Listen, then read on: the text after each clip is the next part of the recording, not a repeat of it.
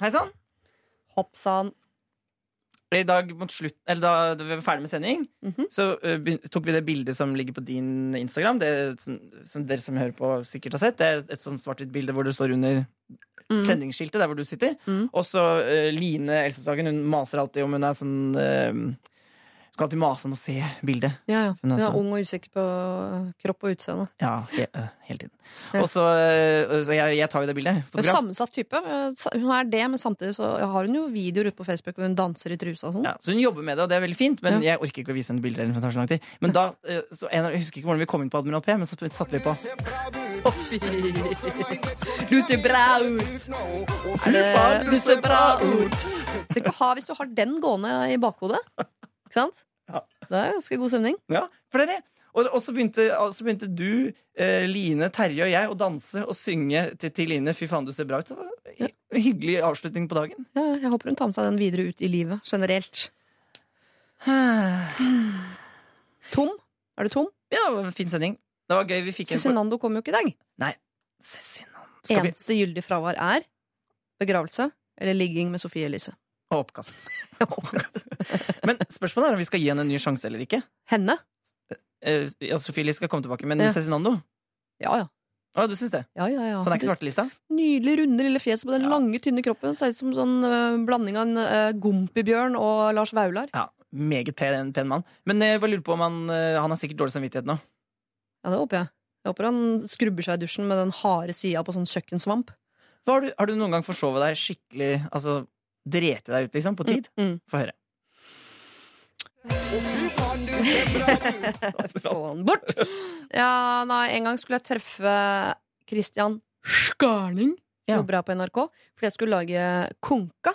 Det første jeg noen gang lagde på P3. Som var en hyttetur med bare meg og Henrik Thodesen, hvor vi baksnakket vennene våre. I min, i min Eh, podkast Klassiker fra P3-arkivet så har jeg eh, Det er et legendarisk radioprogram, spør du meg. Mm. Men eh, vi skulle lage det, men da dessverre lå jeg med en fyr i klassen. Så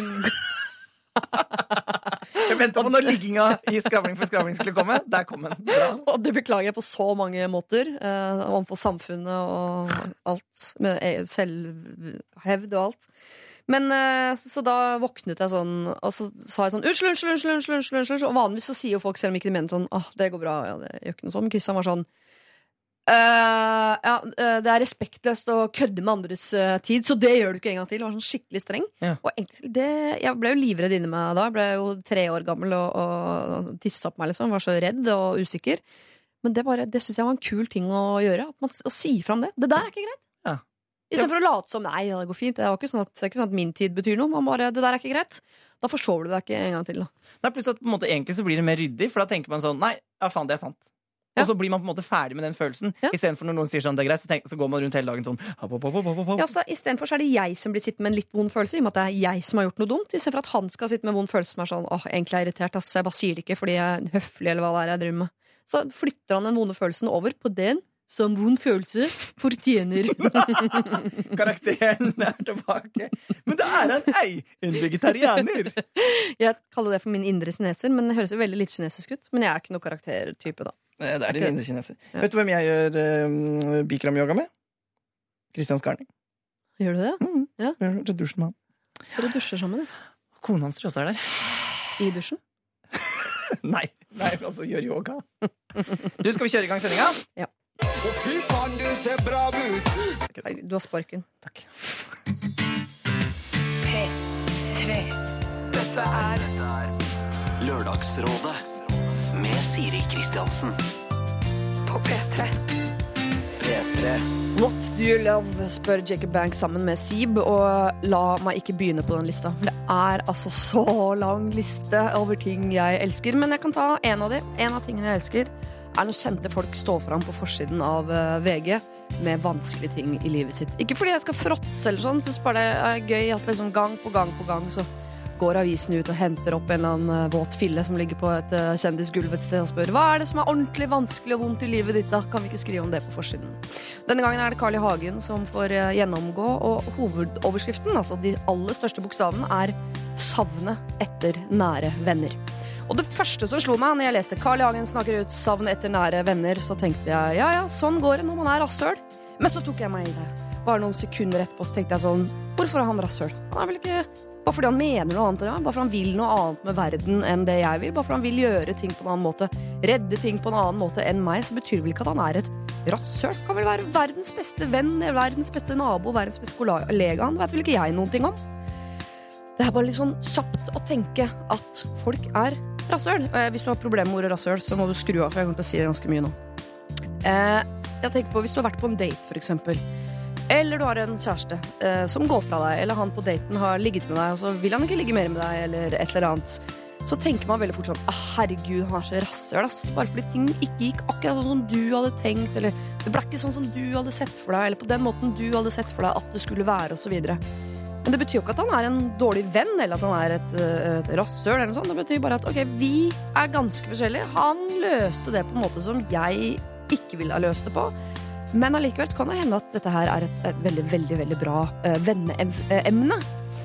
Så da lurer jeg på, hva er det da uh, med disse menneskene som ikke får nære venner? Hva er, hva er det med de? De er jo tydeligvis antageligvis da ikke rasshøl. Noen er rasshøl. Men rasshøl kan også få seg veldig veldig gode venner. Men Kanskje de kan gå sammen i grupper med rasshøl som liker hverandre og synes hverandre er kjempegode venner. Men hva er det med disse vanlige menneskene som bare ikke har nære venner?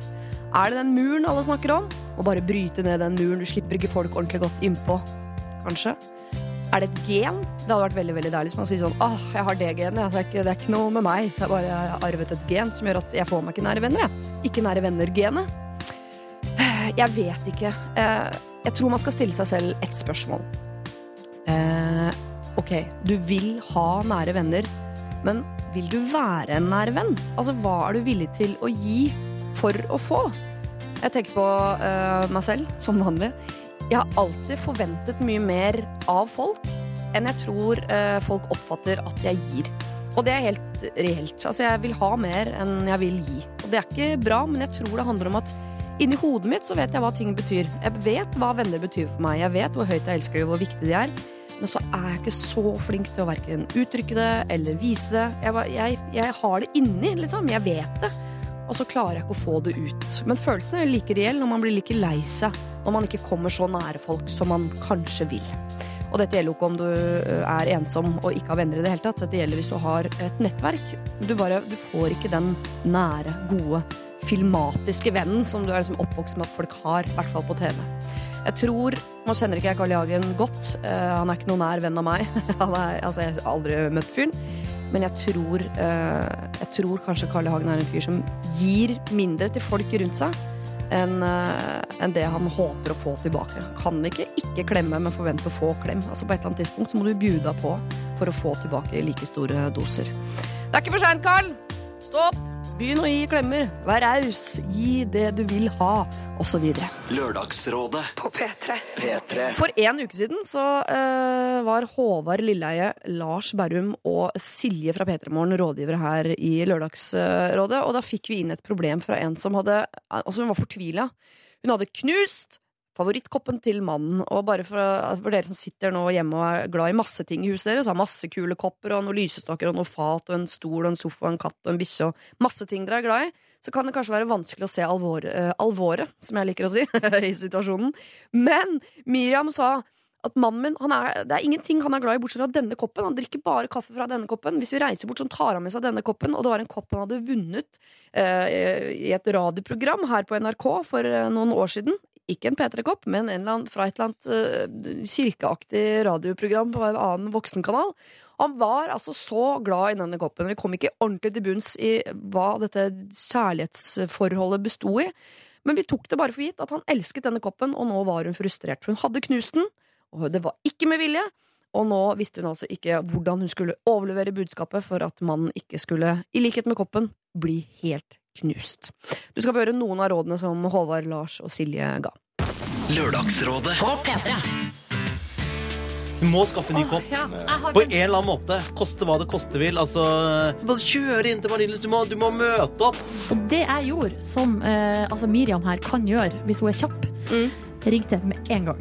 Med en gang ringte jeg. Mens jeg ennå hadde, mens hjertet dunka og hadde tårene i øynene, og ringer jeg, og så bare Så hun hører hvor knust du, du gjort, også er. jeg har gjort noe dumt. Ja. Jeg har gjort noe dumt. Og da så sier hun hæ, hva er det som skjedde?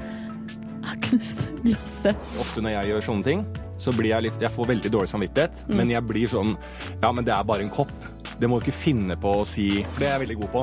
Det, å liksom prøve å jeg, Bagatellisere. jeg går hardt fra start til jeg har sagt at den er knust. Så kan jeg si at det er bare en kopp. Hva er det, liksom? Skjerp deg! Ja. du med sånn. Nei, der borte, skjerp deg! Jeg har knust koppen din. Det Og det er en veldig dårlig egenskap, og det, det blir aldri heldig. Dette er Lørdagsrådet På P3. P3. Hei, du der borte. Skjerp deg! Vi har fått ny mail fra Miriam som skriver Så kjekt at rådet mitt ble tatt opp. Jeg følte virkelig at rådgiverne skjønte alvoret i situasjonen, og spesielt Håvard hørtes ut som han eh, skjønte sorgen til min mann over tapt kopp, og at det var noe han kunne sette seg inn i. Og jeg skulle gjerne fulgt Håvard sitt råd om å troppe opp på Marienlyst og stå der fra morgen til kveld til noen kanskje ville sluppet meg inn og hørt på min fortvilede situasjon. Men det er ikke så lett å få til i en travel hverdag uten at det ville koste mannen min en del føss.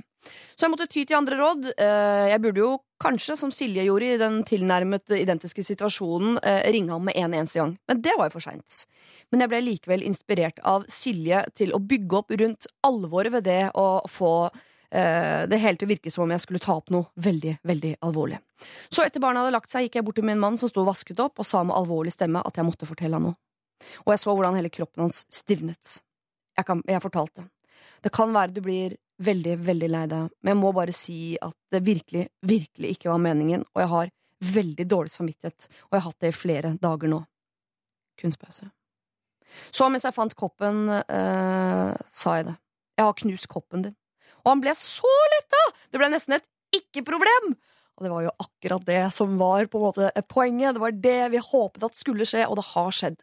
Og så har det skjedd en annen ting, også i tillegg til dette, som vi jo egentlig ikke håpet at skulle skje, nemlig at øh, Lørdagsrådet P3 har øh, blitt til et øh, radioprogram som vanligvis befinner seg på eh, P1, tror jeg det er, hvor gamle folk i grisgrendte strøk sitter og bytter ting. Altså sånn jeg mista en del til vaffeljernet mitt. Å, nei, jeg bor på Sunnmøre, jeg har den eh, delen til litt vaffeljern. Og så bytter de små duppedingser seg imellom, og alle er glad. Utrolig koselig program. Og nå har vi blitt det programmet, fordi vi fikk en mail av Husker du Casanovaen, som han kaller seg? Nei, jeg husker ikke. Eh, han hadde et sånt krus han, til overs, så det kruset er på vei fra Casanovaen og til Miriam, så nå kan de gi dette her til sin mann. Og altså, verden er atter komplett. Dette er P3.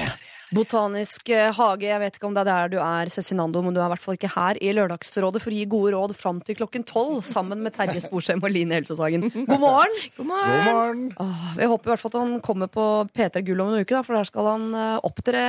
Eh, men hvis ikke, hvem av dere skulle ha steppet inn for Cezinando, Line eller Terje? Så har du en låt, Terje? Ja, jeg har, jeg har flere låter. Jeg, har også, det, Var ikke du mer sånn kassegitar-trubaduraktig type, ikke så eh, vass på rapp? Jo, men jeg kan jeg kan godt rappe òg. det, det var sånn at eh, altså, fra, fra jeg var liten, da Jeg har hatt en sånn rapp som jeg alltid har gjort. Som er litt sånn kjenner, Skal du gjøre det nå? For at da blir jeg kjempeflau. Ja, jeg kjenner jeg blir flau sjøl. Jeg vet ikke hvorfor jeg gikk dit engang.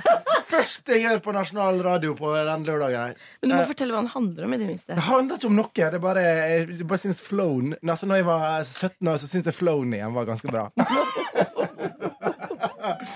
Jeg vet ikke hva jeg byr meg ut på nå, men kan vi få høre det? Uh, oi, oi. Vet det er veldig sjelden jeg blir rød. Ser du? Ja, du ble litt rød. Nå ble jeg litt rød. Husk at dette er Terje Sporsem 17 år, da. Det er ikke Terje Sporsem okay. som vi kjenner han i dag. Da, da kan en av dere beatboxe også. Bare legg en beat. Mens vi er i gang. Har du du ramla og slått hodet ditt? OK, greit. OK. okay. ok. Å, dette her er så pinlig. Okay. Nei, nei, nei. Ok. Første gang jeg så det, visste jeg ikke hva jeg skulle gjøre. Bare høre med det ene øret, og så videre. Ja. Ja, men det var veldig Cezinando-aktig. Var det det? Jeg syns det. Forut din tid! Ja, ja, ja. Altså, Oi, oi, oi. Dette her snakker vi 90-tallet, Ja, altså? for På 90-tallet var det veldig ofte at man rappa sånn at det var bare to og to ting som rima. Litt sånn revyrapping, som jeg kaller det. At det var enderim, liksom. Ja. Men du hadde jo mange ord etter hverandre som rimte. Det skjønte ikke vi i Norge på 90-tallet. Ja, Det kom fra Amerika mange år etterpå det. Vet du hva, Jeg kommer til å gi ut en låt i løpet av et par måneder. Bare se nå. Det var bra flow! Det var bra flow. Ja, men Da har vi funnet en erstatter for Cezinando, Ja. også på P3 Gull om en uke. Hvis ikke du eh, hiver deg inn i konkurransen, Line. Nei, jeg har eh, bare én låt å skimte til, og det er ikke noe rap i det hele tatt. Så det går ikke, rett og slett. For du har også gitt ut har ikke, Hva er det igjen? Det Nei, ringer en er bjelle en, langt bort i eh, researcharkivet mitt. Miljøpolitisk eh, Melodi Grand Prix-låt, rett og slett. Ja. Som jeg skrev da jeg var 18-19, og så fikk jeg en laga da jeg var sånn 22. eh, på ekte vis. Ja. Eh, og jeg er veldig stolt av. En liten smakebit på refrenget, bare for å Ok. Uh, ja. The answer Who got the answer? Ja, den, ja. ja, er Og det det. er en Final Fantasy PlayStation-spillreferanse inne der også, som jeg er veldig stolt av. Oh, ja. Så den, eh, den eh, The- the klinger, den. Var det referansen? The answer, Nei, det? Makinas. Å ja! eh, som er, eh, betyr jo et, Jeg husker ikke helt hva det betyr, det er latinsk. Men det kommer fra i hvert fall et spill som jeg har spilt veldig mye i min ungdomstid. Aha. Oh. Så, eh, Frisk start på Lørdagsrådet, dere. Jeg føler, ja, jeg føler at jeg også må bjuda på, men jeg Ja, har jo da dessverre ikke eh, laget noen sang. ok. Men når jeg var ca. 15, så lagde jeg et pikkedikt. Selvfølgelig gjorde du det. Selvfølgelig gjorde Han er rå, du. Jeg har Skal vært jeg helt proklamere, skal jeg livet. proklamere det? Er det for tidlig? Nei, nei, nei. nei, nei. Det gikk på Jan Erik Vold. eh, Mm. Stor pikk og liten pikk og gul pikk og rød pikk. Fremmedpikk og kjentpikk og mange pikker og ingen pikk. Og så husker jeg ikke bridgen i dette. Men hva betyr vel det? Og så husker jeg ikke slutten. Men det var, det var rimelig rått opplegg. Ja, ja, Det er ikke så gærent, det greiene der. Kan jeg bare spørre, I hva setting proklamerte du dette her? Nei, Jeg satt og leste til uh, nynorskeksamen, tror jeg. Så tenkte jeg dette er kjedelig, ass. Du skriver et pikkedikt. så et slags opprør med Jeg vet ikke. Jeg vet ikke. Hvis du hadde treffet riktig lærer, så hadde du faktisk fått en femmer på det. Tror du ikke det? Jo, det tror Eller i hvert fall jeg. firer. Ja, så sparte til videregående, og jeg hadde han- til han læreren som gikk med avstøpning av vagina som beltespenne. Han hadde elsket det. Hei til deg, Såre på lunsj. Kjempekoselig. Dere, Vi må eh, tilbake i vant lørdagsråd, for at nå er vi så langt ut på viddene. Ja, og det er der vi. er det fint, men vi må hjem. Ja. Eh, vi må ta en runde på sivil status. Jeg sparer deg, Line. Terje, du kan begynne. Ja, jeg er jo da gift. Har eh, fire barn. Eh, bestefar. Det er det òg. Ja, ja. Barna Hvor gammel? Det er Sleng på alder. Her må vi ha alder. Eh, På, på, Nei, på deg, ja. På, på meg, ja. Ja. Er 40 år. 40 år. Ja. Og bestefar. 40 år bestefar. Sånn har det blitt. Ja. du, du mener det på ekte, ikke sant? Ja, ja. Ja. Dæven, ass! ja, ja. Det er Det er så sjukt. hyggelig! Det, er- det er bra når døtrene har eh, samme driftene som faren. Det, Men gir seg ut, gir uten å tenke på konsekvensene. sånn har det blitt. Ja, ja, Det store forsyner seg av livet. Grovt. Åssen er det med deg da, Line? Du kan vel kanskje ikke Du har ikke like lang merittliste, vil jeg tro? Uh, nei, det har jeg på ingen måte. Jeg er ikke bestemor. Um, jeg, jeg er per nå singel. Du er per nå singel, men veld, veldig søkende. Er veldig søkende, men eh, jeg har jo noen i bakhånd, da. Er det lov å si? Det er grist å si, altså. Det, tenk på de som er i bakhånd. Det er ikke noe koselig å høre. Å ja, så jeg er i bakhånd. Å nei, men det er, det er bare Det er jo Du har noen i tankene. Ja, ja, ja. Pågående. Men- Går det an å si. Men, men det lurer på sånn så, For et par uker siden så var det sånn at her, Og her kommer Line eh, med sin Med date, liksom. Ja, ja, ja. Var det promo for programmet, eller var det noe Nei, nei, det var helt ekte, det. Og den eh, tror han er fortsatt eh, oppe og går. Ja, så det er det Så, i bakhånd. ja, det er det jeg har i bakhånd. Og bakhånd var kanskje feil å si. Du kan ha vært i nasjonal presse, liksom. Ja, ja, ja. er ja, ja. Det er, nei, nei, nei, nei, det er absolutt eh, out there. Så, men, Men dere er eh, ikke kjærester, som du sier? Nei, kjærester. Ja, det er så, så sykt lang tid å si 'vi er kjærester'. Det har jeg ikke tid til. Jeg sier kjærester. Det går mye fortere. Ja, ja, jeg liker det. Ja. Det er dialekt. Det er, Ja. dialekt. Men det er faktisk folk som ikke forstår det. Det er sånn, er du helt brød? det er du ikke, det vet vi. Ja. Ja, det vet vi at ikke du er.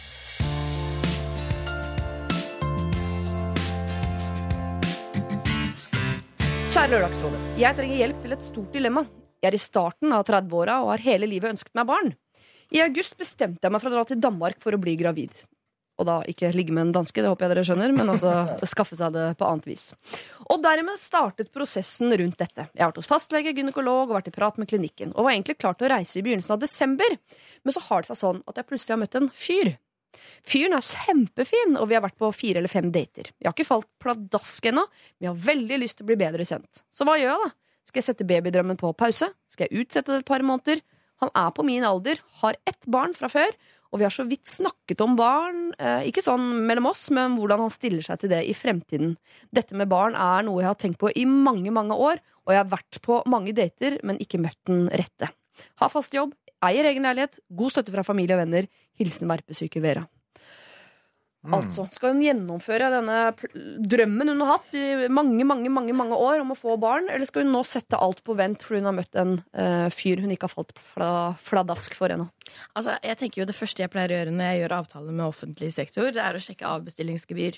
Ja. Eh, hvor mye koster det? Eh, og når innen når må avlyse for at det ikke blir en kjempesum? At du liksom må betale halvparten av hvor mye det koster for barn. Jeg vet ikke hvor mye det koster. F- 500 000? 1 million? Eh, 300 000? Nei. Nei. nei. Å nei, hvor mye koster Nei. det? To, er 20 det? 000? Jeg tror du må betale 40 000, og Da har du tre forsøk eller noe sånt. Oh, Så det er ikke så dyrt. det er billige greier! Ja, Ja, ja, ja. nei, da vil jeg absolutt sjekke avbestillingsgebyret.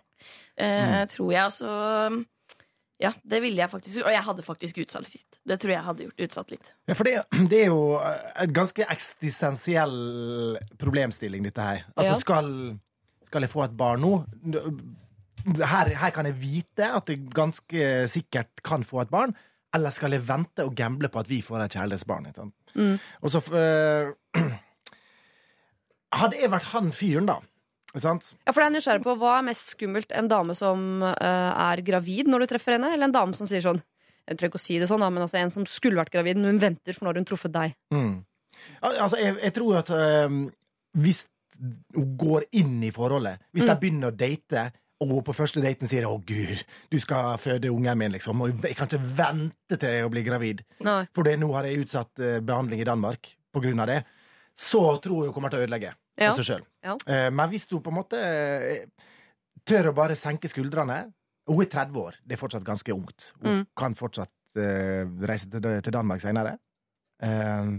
Men jeg syns det høres spennende ut. Altså, det er jo et kjærlighetsbarn kontra et uh, uh, Men nå har, han har jo et barn fra før som er sitt, så han er jo ikke fremmed for tanken om barn. Eh, så det er jo ikke helt sånn ufair at de har vært sitt fra før. Og så kan dette kjærlighetsbarnet kan jo komme etter hvert, hvis det blir de to. Men hva er grunnen til at de, han er ikke sammen med barnemora, da?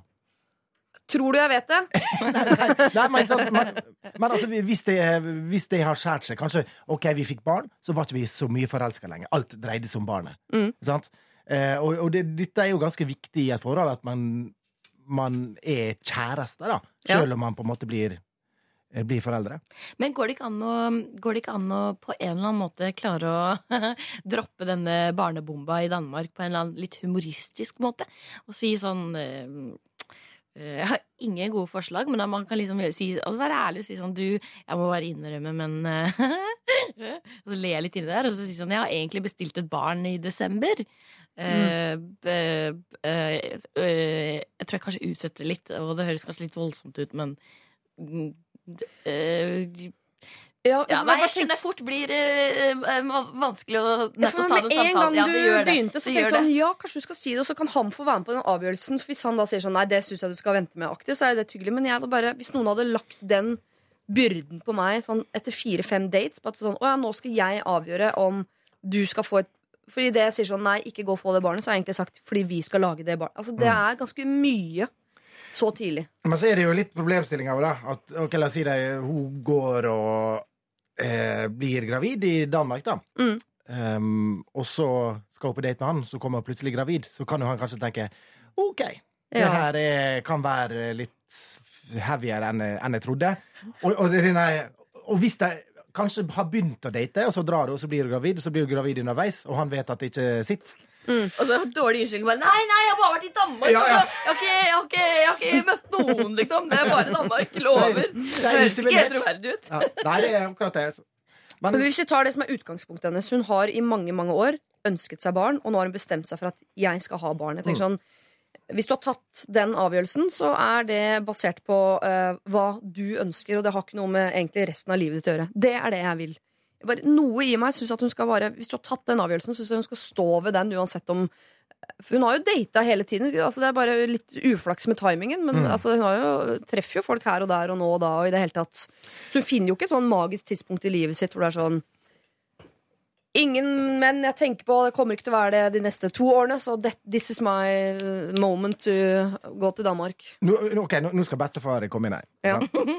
Og, det, og det er dette her som er litt sånn magisk med livet. Sant? Vi planlegger. Sant? Nå skal jeg gjøre det, nå skal jeg dra til Thailand, nå skal jeg få med barn. Og så skjer det et eller annet. Sant? Og det er jo på en måte bare å kaste seg litt rundt og bare si Vet du hva? nå, nå må jeg endre planene mine litt. Jeg skal, jeg, jeg skal ikke avlyse dem, jeg bare endrer dem litt. Mm. Um, for hun kan alltids dra til Danmark om et år. Ja. Men det toget som er i i ferd med å forlate perrongen, da Så hun må bare ta det valget nå. Skal jeg være med på det? Har du en god feeling? Mm. Og så, så ville jeg gått for det, altså. Men det hvis hun jo- bestemmer seg for å vente da, og gi denne fyren her en sjanse De har vært på fire-fem dater. eh, gi- eh, det litt mer tid. Si om dette, se om dette liksom er, kan være the one. Skal hun eh, involvere han i prosessen? Skal hun si at nå har jeg satt noe greier i Danmark på vent fordi du er så hyggelig som det du er? Eller skal hun bare Ja, det syns jeg, synes jeg absolutt at du skal. Og så kan man jo så tenke sånn Jeg, jeg heier jo egentlig litt på at du skal gå, go for it. Så for jeg tenker Hvis han er den rette så, og vil ha barn, så får du jo bare et nytt barn om tre år eller to år. Sånn at Da er jo han sikkert uansett med på det. At det, Da er det bare et bonusbarn. Som, så tar du det eh, barnet først i Danmark. Og Mm. så, hvis han er en bra nok fyr, så får de kanskje et nytt barn eh, om to-tre år. Og så er det hyggelig i alle dager. Så er det tre, trebarnsfamilie. Ja, jeg vil gjerne ha tre barn. Jeg syns det er flott med tre barn. Fin, eh, fint siffer, det. Ja, ja.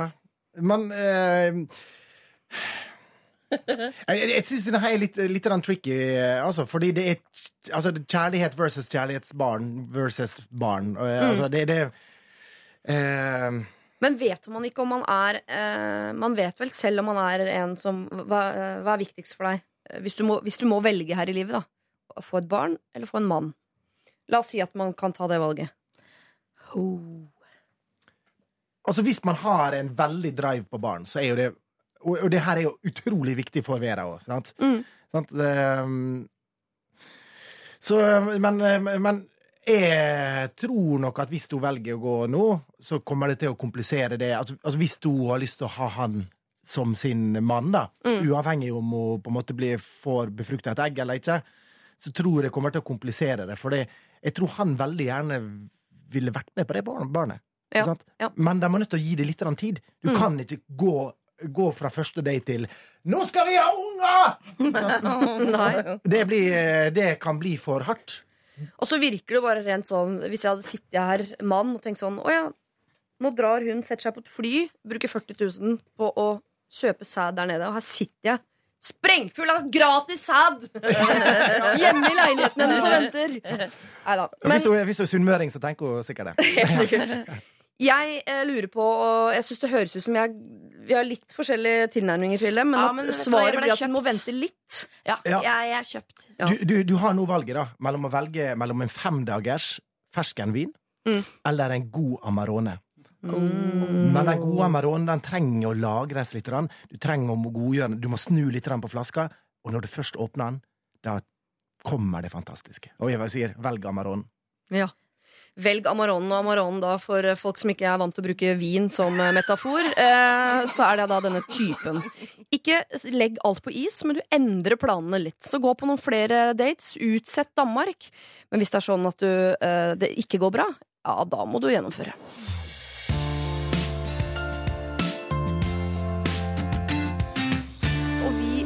Har altså allerede bedt en dame om å ikke dra til Danmark og befrukte seg selv, men heller dra på flere date med denne mannen hun har truffet. Og fra det så skal vi over til henne som kaller seg for Pia Prippen. Hei! I min slekt er det litt forskjellig humor. Noen av de har veldig grov humor. Dette er godt voksne mennesker, og dess eldre det blir, jo verre syns jeg humoren blir. Mye av humoren går ut på intime detaljer. Det kan blant annet være at de utfordrer hverandre til intimbarbering, legger ut om seksualliv og historier om seg selv og andre. Om det er barn eller fremmede som hører på, ja, det er ingen hindring. Dette er som sagt godt voksne mennesker som er eller har vært gift. Både kvinner og menn er like ivrig og kommer fra samme familie. Nå har jeg begynt å bli ganske lei av denne humoren i hvert familieselskap med denne gjengen. Hvis jeg prøver å vri samtalen over på mer dagligdagse temaer, så klarer de, spesielt den ene, å snu det til noe grovt. Jeg prøvde en gang å si ifra, siden de kommenterte at jeg ikke lo, om at jeg syns uh, at det ikke er passende med tanke på at det er små barn til stede osv. Men det fikk jeg ikke særlig medhold i. De andre i min familie reagerer også på denne humoren, men ikke i like stor grad som meg. De sier at de er så vant med det at det er deres måte å underholde på. De ler derfor med. Jeg er ikke den som snakker mest i et selskap i utgangspunktet, og jeg er ganske konfliktsky. Så spørsmålet er da Bør jeg le med av høflighet, og samtidig indirekte oppfordre eh, til at de skal fortsette med denne humoren? Eller skal jeg ikke le og få kommentarer på at jeg er en surpølse? Hilsen Pia Prippen. Står det noe om hun er fra Nord-Norge, eller? Nei, det er antageligvis ikke. Altså, Skjønn... min bestemor, eh, fra hun var kanskje 65 til hun blei, hun blei vel 78. Hun dro på mer og mer med åra. Mhm. Og i hvert selskap så blei det dro en vits, og så blei det stille i et par sekunder like etterpå. Fordi det var altså så hinsides, hinsides grovt. Så ikke at det ikke var gøy, men det var bare fra bestemor rute til forkle, så ble det gærent? Liksom, ja, ja, men, nei, men grov pluss bestemor er jo uansett latterbombe, liksom. Ja. Så det blei det, men det var liksom Noen ganger tråkka hun langt over streken, og da ble det stille et par sekunder, og så lo vi. Men jeg mener jo at eh, hennes taktikk, som min bror, som er i situasjonen til Pia Prippen Pål Prippen, broren din. Pål Prippen, Ja. han bare sitter med armene i kryss og ser en annen vei og smiler så vidt. Liten smirk. Og så holder han kjeft og lar det ture og gå. Så jeg synes kanskje at uh, Men hva oppnår man med det, annet enn å bare lukke øra. Dette er familien din. Embrace it, uh, mener jeg. Og så kan du prøve om hun prøver seg på sin, sin vits, og så kan de heller også ikke le. Så tar du litt tilbake på den måten. Altså, La, la oss se på den andre sida, da. Eh, De som har familie der de er litt godt voksne, har humor som er ordspillrelatert. Ja. For det er stort sett det veldig mange eldre gjør. Sånn som min far, ja. Han, altså, han, han, han plutselig kan si sånne ting som eh, Ja, eh, Sylvi lister seg ikke så si stilt på tå, Haug. altså litt sånne ting, da. Kjempegøy. Jeg elsker ordspill. Men, men for, for, for veldig mange eldre, de, de slipper litt av den, den grove humoren. Jeg liker når de, når de tør å være litt av seg sjøl. Samtidig jeg ser jo problemet. Altså hvis intimbarbering er en del av humoren. Altså når du Ja, for jeg skjønner ikke ah, humor rundt temaet intimbarbering, eller utfordrer hverandre til å intimbarbere hverandre i selskap. Da er vi alle Pia Prippene, for det går ikke. Tenk julemiddagen, da. Ja. Hæ? Og du sitter Gå intimbarber bror din! Det er gøy. Altså, det, det, blir ikke det blir Hvem rører i skyen mens noen barberer på? Altså, nei, det går ikke. Det går ikke, Pia. Og så klasker alle seg på låret og sier 'det er humor'! Nei, la oss håpe at det er prat om det. Ja. Men fordi det, jeg bare, grunnen til at jeg spør om hva uh, Paul Prippen, altså broren din, Line, hva han oppnår med å sitte med armene i kors og være litt sånn sur til sida, er For det første blir jo hans kveld litt kjedeligere, for han må sitte, han må sitte og, og på en måte vise at han er sur. Og det, det får man jo litt sånn dårlig energi av. Da blir man jo litt sur, ikke sant? Eh, fordi man allerede Man prøver å vise verden 'dette syns jeg er kjedelig'. Følg med nå, dette er kjedelig. Mm. Eh, Så din kveld blir jo ødelagt. Og de andre har det jo like gøy likevel, for det er jo syv andre som sitter og, og ler og snakker om kuk og intimbo, så festen fortsetter jo, så det er bare du som er sur. Så du, du oppnår jo Det eneste du oppnår, er at uh, din kveld blir litt grann kjedeligere. Da, og at hvis de i det hele tatt får det med seg, så tenker de sånn Å, herregud, lusen opp. Ja. Bli med på mora. Men det kan jo samtidig høres ut som at eh, familien hennes er moderatorer i mannegruppen Ottar på Facebook. Det er, altså, hvis det bare er liksom fittevits, eller liksom. Ja, da må Ja. man si fra. Men det var jentene òg. Damer og menn. Og Ja, det har blitt en slags suggesjon da, i Ja. familien. At alle må at eh, Er du i den familien her, så er det eh, 'Kom med din beste kukkevits'! Og så er det Altså, hvis det er sexistisk, må man jo si fra. Ja. Det må man jo. Men jeg mener jo likevel at min bror han kikker litt til siden, ja, smiler lite grann og liksom lukker ørene. Jeg ser han lukker ørene. Så tenker jeg kanskje heller han skal gå litt sjeldnere i disse selskapa. Og så kan jo også eh, at fa vi er forskjellige. Altså mennesker vi, altså Familien godtar familien sin. På et eller annet tidspunkt bare ja. Fader, noen ganger så sier pappa noe som er helt out there, og da ler jeg litt. Eller så sier jeg fram at dette her øh, var jo eh, kanskje litt mye. Og det, det, det må gå an, fordi man er ulik. Men de skal jo godta henne også. Eh, Pia også må jo godtas. Og jeg skjønner, ja, det, Hvis det var bare sånn at Pia ikke syntes det var morsomt, så hadde det vært litt sånn, ok, greit, men det syns de, så sånn er det. Men hun gjør det jo av hensyn til barn og fremmede. Og, Mm. For hun tenker jo på vegne av de at dette går vel litt over stokk og stein. Og der må det jo gå an å si fra. Ja, eh, altså hun kan jo prøve, kanskje også med sin humor. da Altså, Jeg vet ikke hva Pia syns det er gøy, men hun kan jo prøve med en vits. da Ja. Så mens, mens de sitter og klasker seg på låret og intimbarberer hverandre, så kan hun bare si 'Jeg har en historie'. Ikke sant? Og så, ja. En gang da Jens Stoltenberg var ute, og så bare fortelle en vits. Jeg vet ikke hva humor eh, Pia har, men um... Eller, ja, eller så kan du bruke deres egen våpen, deres, deres våpen på, på dem tilbake. At hun kan finne den jævligste, groveste vitsen i hele historien og Ja. slenge i bordet med den. Så må de bli helt stille og tenke sånn Wow! Nå var jeg kanskje OK, nå tar jeg poeng om at det der har sklidd kanskje litt ut. Ja, jeg tror ikke Jeg er ikke den som snakker mest i selskap og er ganske konfliktsky. Jeg er den som drar den historien der. Ta et par først, så går det bra. Ja, Du må nok bare godta at familien din er som den er, men vi syns ikke at du skal le med. Du får nok bare lukke øra. På slutten her ga de helt opp. Johnny og Onkel P glir forbi, har vi hørt. Så før det Cashmere Cat sammen med Selena Gomez. Trust nobody. Det er et Jeg vet ikke om jeg liker det rådet, altså. Ikke stol på noen. Åssen er du der, Terje Sporsem? Stoler du på folk? stoler på altfor mange folk. Eh, og eh, det har ført til nummer én Jeg har eh, kjøpt bil i Drammen med Tommy Steiner. Ja, ja, ja. Jeg har kjøpt leilighet i Tyrkia. ja. Har du det? Nei, har du vært på ferie i Tyrkia, gått forbi en selger, og så Ja! Ja, Er du en av de? Nei da, nei da jeg, jeg kjøpte en leilighet, er jo superfin, den, men det er klart, den politiske situasjonen har jo Det kunne ikke du vite. Jeg kunne jo ikke vite det. Altså, det, nå, nå har jeg de to tinga. Bil i. Drammen, leilighet i Tyrkia. Nå mangler jeg bare timeshare i Syria, så er vi der. Du vet at du kan kjøre den bilen fra Drammen og, og videre. Den må ikke stå i Drammen. Nei, å ja. Ja. Ja, nei, jeg er kvitt den nå, Du, da. du er kvitt den, ja. ja. Tapte, mye penger. Ja. Ikke så mye som eh, Jos Tom- Josef Tommy. i Josef. Madcon. Nei. Åssen er det med deg, Line Elvsås Hagen? Stoler du på folk? Eh, 50% ja. Eh, veldig på de nærmeste, ikke så veldig mye på mange andre. Ganske paranoid, egentlig. Ja. Tror kanskje folk har litt baktanker hist og pist. Ja. Eh, ellers så ja, stoler det relativt mye på folk, vil jeg si. Normalt forhold til stole på folk. Det der høres ut som verden. At det er Cirka halvparten kan man stole på, resten Ikke sant? ikke sånn. Har baktanker. Jeg tror Ja. det er sånn. Ja. Og dessuten så hjelper det ikke, eller nå høres jeg veldig eh, mørk ut, men det hjelper jo ikke å stole på folk. De folka man stoler på også, kan jo finne på tullete ting. Altså, Ja, ja. man kan jo eh, til og med Jeg kan gjøre ting som ikke er lov. Nå skal vi hjelpe en som heter eh, Dina, og det er ikke dette som er hennes eh, problem, altså. Jeg er for øyeblikket i et avstandsforhold med en fyr som bor og jobber i Dubai. Jeg er selv nettstudent og bor i København da jeg planlegger å begynne på en bachelor ved et universitet her neste år. Så fram til sommeren har jeg strengt talt ikke noe annet i en leiligheten min som holder meg her i København, og det er derfor veldig fristende å takke ja når typen jeg er forelsket i spør om jeg vil komme og bo hos han i Dubai fram til starten på universitetet etter sommeren. Særlig når jeg ikke har noe nettverk her og føler meg utrolig ensom. Tilværelsen som nettstudent gjør nemlig at jeg ikke har mange arenaer å møte venner på. Det er bare én ting som holder meg fra uh, å sette meg på et fly til Dubai. Jeg er 20 år, han er 36. Verken han eller jeg ser på dette som et stort problem, men det gjør jo selvfølgelig familien min. Til tross for at de stort sett prøver å være støttende, er det tydelig at de helst vil at jeg dropper hele fyren. Så hva gjør jeg da? Følger jeg hjertet og fullfører nettstudiet mitt fra Dubai før jeg forplikter meg til en bachelorgrad i København, eller skal jeg høre på familien min som mener at jeg ikke burde innlede et forhold til en som er så mye eldre enn meg?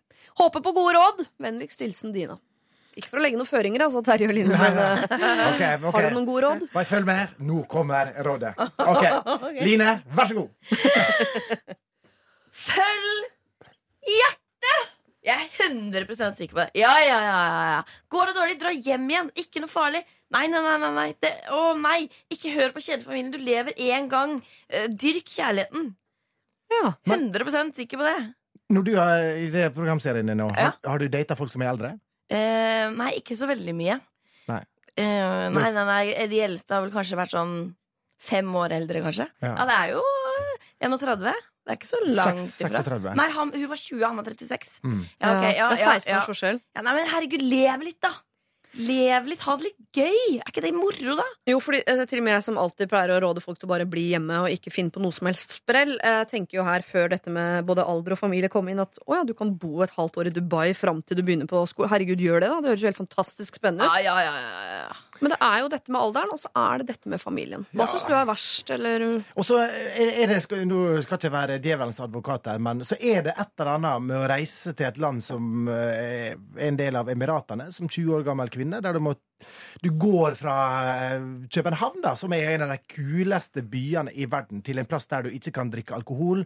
Du må sannsynligvis dekke til håret ditt når du er offentlig. Mm. Det, det er en del sanne ting som man som jeg, jeg tror det kanskje gjør det litt vanskeligere å være fri studentkvinne. da. Ja, hva er den saken om hun norske som sitter fengslet i Dubai for hun har gjort et eller annet som vi anser som helt normalt, men der nede var no, no, no. Var det, ikke, Sitter inne. var det ikke jeg som også meldte ifra om en voldtekt? Jo, jo, det var det. Ja, Ja. Hun ble voldtatt, så må hun i fengsel. Ja. Mm. Men, men eh, turister går vel ikke med hijab der nede? Gjør de vel det?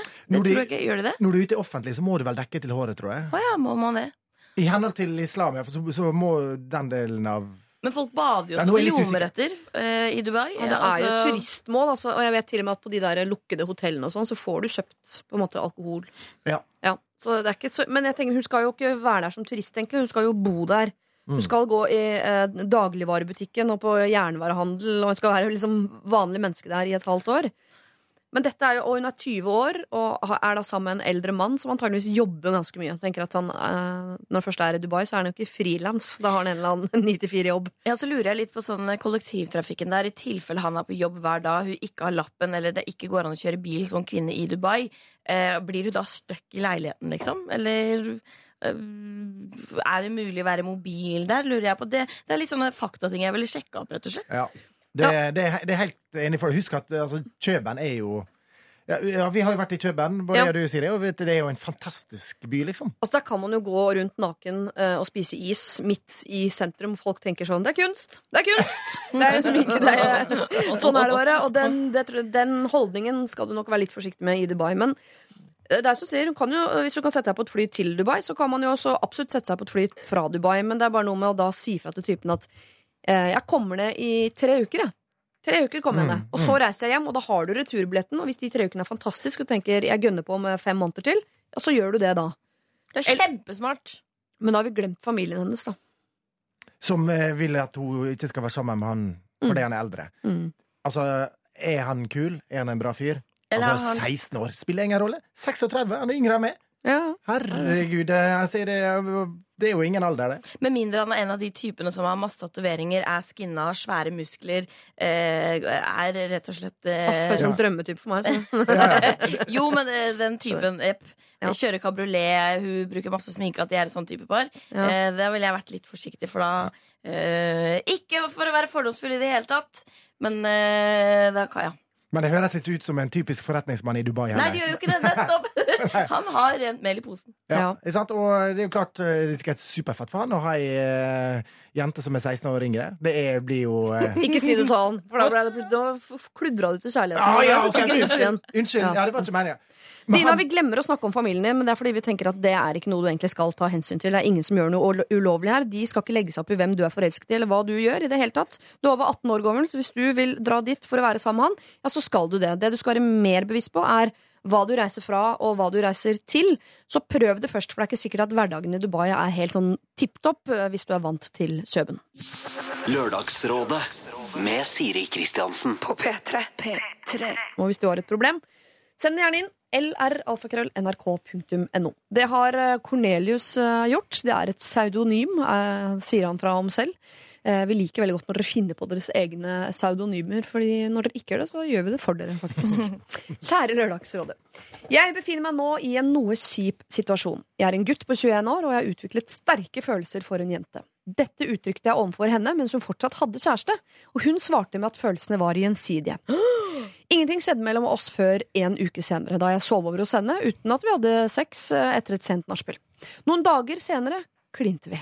Men denne gangen var det midt på dagen, og begge var edru. Altså, de har med andre ord klina før. Etter en uke eller to slo hun opp med kjæresten sin, og vi begynte å holde på rett etter. Eh, Det å ikke la det gå litt tid for følelsesarbeidet har vist seg å være særdeles korttenkt. Eksen og henne har fortsatt unfinished business, noe jeg har forståelse for. Det jeg derimot ikke har forståelse for, er at hun tillater han å være ufin mot henne, både på meldinger og i telefonsamtaler. Hun har våknet opp til et oppimot tresifret antall meldinger. Bruddet har vært veldig tungt for han, og hun ønsker å fortsette å være der for han for at han skal komme seg på beina igjen. Tanken er hederlig, men to sterke argumenter stiller seg mot dette. For det første påvirker denne kontakten eh, henne overveiende negativt. Og for det andre tviler jeg på at jenta som har forårsaket bruddet, er best egnet til å hjelpe han med å komme over henne. Jeg ønsker selvsagt å være der for henne, jeg òg, men jeg opplever at smerten hun opplever, er selvpåført, og det minsker jo mitt ønske om å være der for henne, siden hun kan bli kvitt den selv. Vi har gjentatte ganger forsøkt å sette en strek inntil videre, men ingen av oss har hatt, har hatt selvkontrollen til å etterleve eh, de samtalene. Jeg reiser på utveksling til et land eh, langt unna til våren, eh, og det er såpass langt unna at et avstandsforhold nok er urealistisk. Så hva skal jeg gjøre? Håper dere kan hjelpe. Cornelius. Dette med utveksling til våren venter vi litt med, for det merker jeg liksom, det, det kommer inn som en liten sånn Å ja! På slutten der. En liten twist. Liten twist på slutten der. Men uh, det som foregår nå, la oss ta nåtid først. Ekser. Sjalu-eksa. Og det er mareritt. Ja. Um, altså, jeg, jeg kan ikke tenke meg en verre situasjon enn å bli sammen med ei dame og ha en eks som er over, og som krever å ha kontakt, er sjalu på det, gjør alt han kan for å ødelegge det. Mm. Eh, høres helt forferdelig ut. Det må de få løst.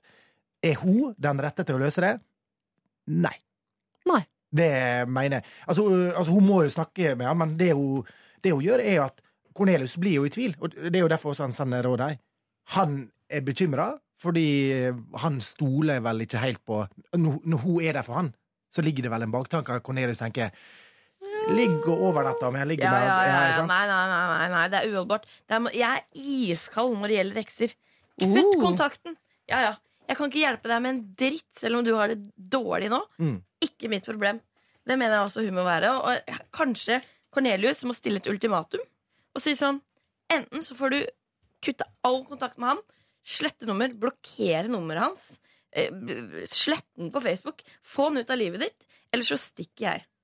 Ferdig. Men øh, jeg er jo i utgangspunktet ikke enig i det, og i hvert fall ikke her, fordi øh, Cornelius er jo en av grunnene til dette bruddet. Han har gått inn i et øh, allerede forhold og splittet dette. Og igjen sitter det da en gutt som er veldig veldig lei seg. Og hvorfor er man lei seg? Jo, fordi det er masse spørsmål der som man ikke får svar på. Hvem sitter på svarene? Jo, det er denne jenta. Og jeg mener ikke at du skal støtte han, være puta hans, trøste han, eh, dra hjem til ham på natta og få han til å synge nattasanger. Altså, det er ikke sånn. Men hvis hun sitter på noen svar som kan gjøre at han går videre, og slipper å være lei seg i mange år og være bitter og alt det der, så syns jeg hun skal stille opp til en viss grad med svarene på disse spørsmålene. Men ikke med noe mer. Ikke noe kaffe og stryking på kinnet og sånn, men kunne svare på spørsmålene hans, som han sitter igjen med fordi hun har dumpet han til fordel for en annen gutt. Og det syns jeg hun kan bjuda på. Men du kan, du kan ikke gi skylda til Cornelius for at han har laga bruddet. Cornelius er ei fantastisk dame Mm. som blir forelska i det, det er hennes ansvar å si fra. Cornelius eh, følger hjertet sitt. Ja, han, har- jeg sier ikke at han har skyld eller ansvar, men han, må jo, han har jo hoppet rett inn i en situasjon som er Det er ikke noe sånn en eks for to år siden som fortsatt driver og ringer og sånn. Da tenker jeg sånn da, nå, Han må vi bli kvitt med en gang. Men denne eksen, han er blodfersk. Altså, han er fortsatt varm. Men i alle dager, ok, du sier dette her med spørsmål. Kanskje du da kan si Da sender du en melding til han på Facebook og sier Du, jeg kan ikke hjelpe deg, men hvis det er noe du lurer på, still alle disse spørsmålene nå. Nei, men da kan du stille alle disse spørsmålene, så har vi én samtale. Du Ja. får svar på alt du lurer på. Eller så skriver du et forklaringsbrev til den og sier dette er greia, jeg beklager, dette håper jeg er svar på alt du lurer på. Nå mm. kan ikke vi ha kontakt mer. Men det hjelper jo ikke. Altså, det, jeg kan jo tenke meg når han sender deg meldingene, når hun våkner opp til tre tresifra antall meldinger, Ja. så har han vært ute og drukket. Og uansett om han får svar på det, i den samtalen, så kommer den samtalen til å føre til at, det har, at han har enda flere spørsmål, at han kanskje blir enda mer bitter, og sender enda flere meldinger. Mm. han har jo et grep på henne. Ja, ja. Hun føler et moralsk ansvar for at han på en måte eh, skal føle det på samme måte som hun. For hvordan kan jeg gå videre? Hvordan kan jeg finne meg ny kjæreste mens han sitter og er bitter? og sånn? Det må du bare slippe. Ja. Altså- Helt enig. Han har jo ikke, ikke sant, han sender 100 meldinger i løpet av en natt. Han har ikke 100 spørsmål. Da er det Nettopp. eh, noen spørsmål som går igjen der. Altså, jeg syns jo virkelig hun skal skrive, skrive et langt brev til og prøve å forklare alt, alle følelsene sine. Og si dette er grunnen til at det blei som det blei, og jeg er veldig lei meg for det. Og jeg kan ikke hjelpe deg mer. Og så kanskje hun dette er litt rart da, men kanskje hun kan ta kontakt med en av hans beste venner og si sånn Du, jeg er veldig lei meg for bestevennen din er ikke eh, har det veldig trist. Jeg kan ikke hjelpe henne. Kan du være så snill å passe på litt ekstra? Eh, sånn at hun liksom føler at hun i det minste har gjort noe for å fordele ansvaret litt. Sånn at hun ikke altså, at hun blir bli kvitt den skyldfølelsen litt, men også vet at han blir kanskje litt tatt vare på. Du skal sette bikkja på kennel? Yes. Ja. Men, men det hadde jo vært utrolig interessant å vite de meldingene, de samtalene, de, det han sender, da. Er det 'Jeg savner det', eller er det 'De hore'? Altså, Ja, ja. Det er ganske stor forskjell. Vi- Ja. Hvis det er litt sånn eh, ag aggressiv tone på det, så Eller hvis det er 75 av hver. Ja. Sånn annenhver uh, Ja, kan- Jo, men det kan hende. Ja, eh, altså, jeg, altså Sjalusi er jo livsfarlig og for, i alle parter, liksom. For han, han, han vil ha henne. Altså Begge vil ha henne, liksom. Hun er revet, reve mellom to. Men, men, men det interessante her er jo dette vi ikke snakker om litt. grann. Hva er egentlig agendaen til Cornelius? For han, ja, du tenker på i forhold til at han skal reise på utveksling til våren til et land som er så langt unna at avstandsforhold er helt urealistisk? Ja, for, for, for det han da sier, er at hun skal bryte alt sitt med, tidligere, eh, med sin tidligere eks. Mhm. eh, og når det er gjort, så drar jeg, eh, og da vet jeg på en måte at hun ikke kommer til å gå tilbake til han. Og du tror han på en måte driver og forsikrer seg om at, eh, det skal være, at de skal være helt ferdige med hverandre, sånn at han slipper å tenke på det når han har reist bort? Men det skjedde, jo, ja, det skjedde jo ikke før til våren, så jeg mener mye kan jo skje på en vår. Ja. Altså Et halvt år så kan det jo kanskje hende at Cornelius bare finner ut av fader heller, jeg digger dama her, vil ikke dra på utveksling likevel, og blir her i Norge. Og det, det, den sjansen må man ta, tenker jeg da. Ja. I tilfelle det glepper, og det er plutselig long way for life for barn og hurra meg hei, så må man prøve det, tenker jeg. Og det har jo, det har jo tydeligvis vært noe ganske spesielt der, tenker jeg, i og med at hun brøyt faktisk med kjæresten sin.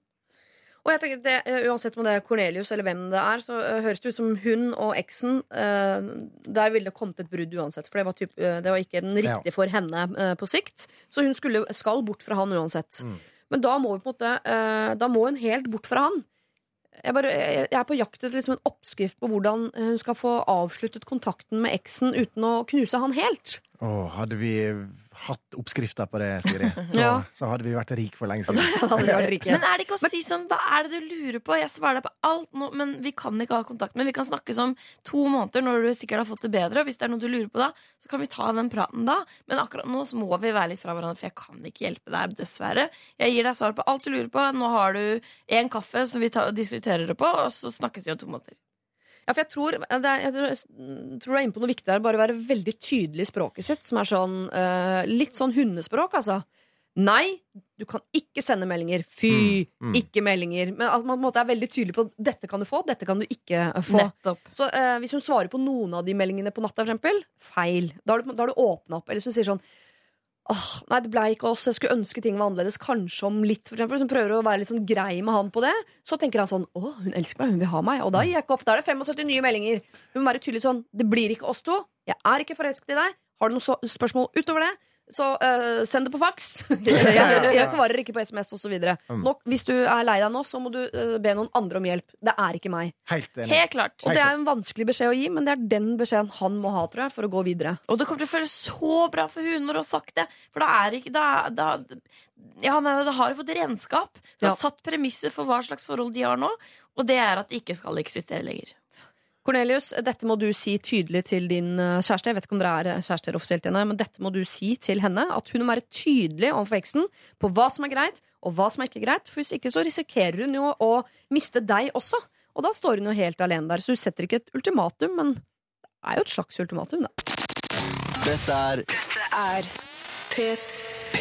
Altså denne ukas låt eh, Black Beatles er så bra at jeg merker sånn Eller trenger ikke noen andre låter enn det. Jeg kan rydde Spotify bare, bare spille den. Det går helt fint. Trenger ikke å høre noen andre låter enn det. Verken før eller etter eller Så nå eh, vinker jeg farvel til alle mine tidligere favorittlåter. Ha dem, Ha dem, Ha dem. Og så tar jeg inn denne Black Beatles. Kommer du til å spille den også etter det problemet vi har hatt nå? Ja, Det blir bare vi rydder spillelista nå uh, fram til klokka tolv. Så blir det bare den om att, om att, om att igjen. Jeg la den nettopp til i spillelista mi under låta. Ja.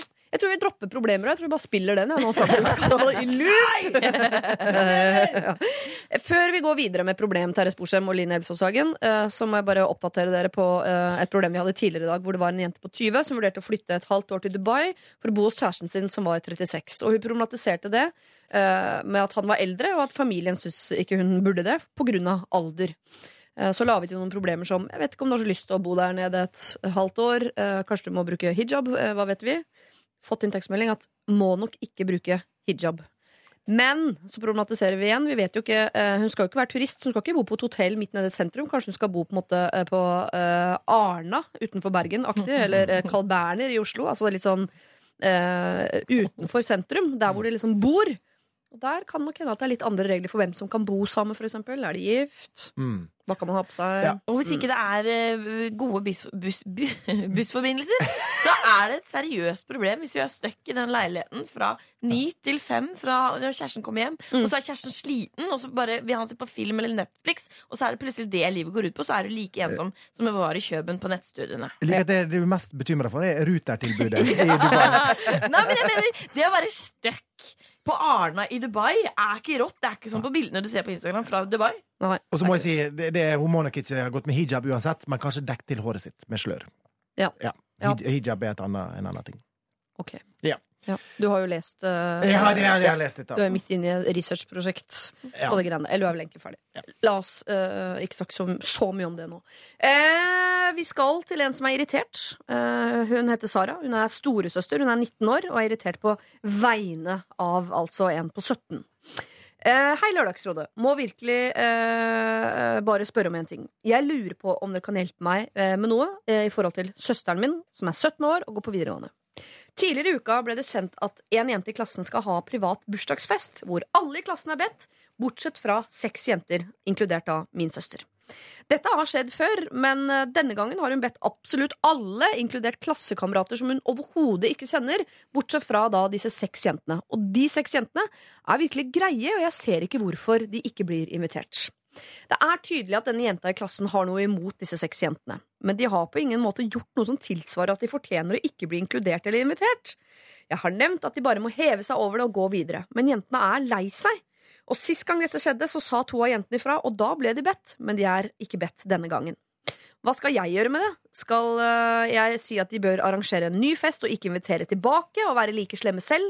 Skal jeg eh, si fra til noen voksne for dem, eller skal øh, jeg si fra, rett og slett? Eller skal jeg bare spørre dem hva som skjer? Hva er det som er riktig og galt her?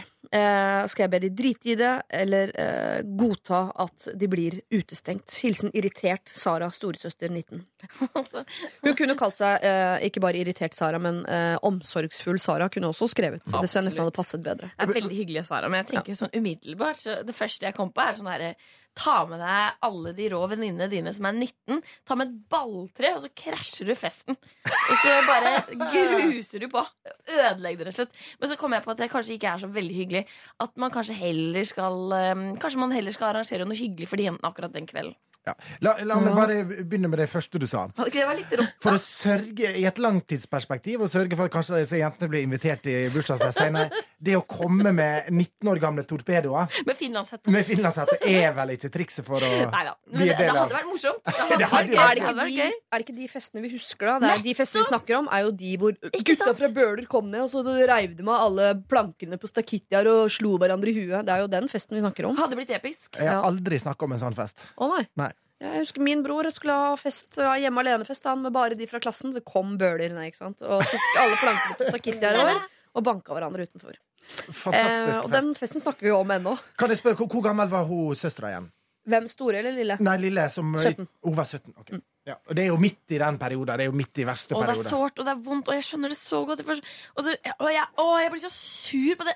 Man leser jo stadig saker om at eh, de seksåringene som aldri blir bedt i bursdag og sånn. Mm. Jeg har aldri jeg skal, Alle skal med. Det mener jeg. Det, jeg blir forbanna over sånne ting. Men jeg jeg prøver å distrahere de akkurat den kvelden, og ja, faen, Jeg får lyst til å gi fingeren til den 17 år gamle jenta som arrangerer fest. Altså.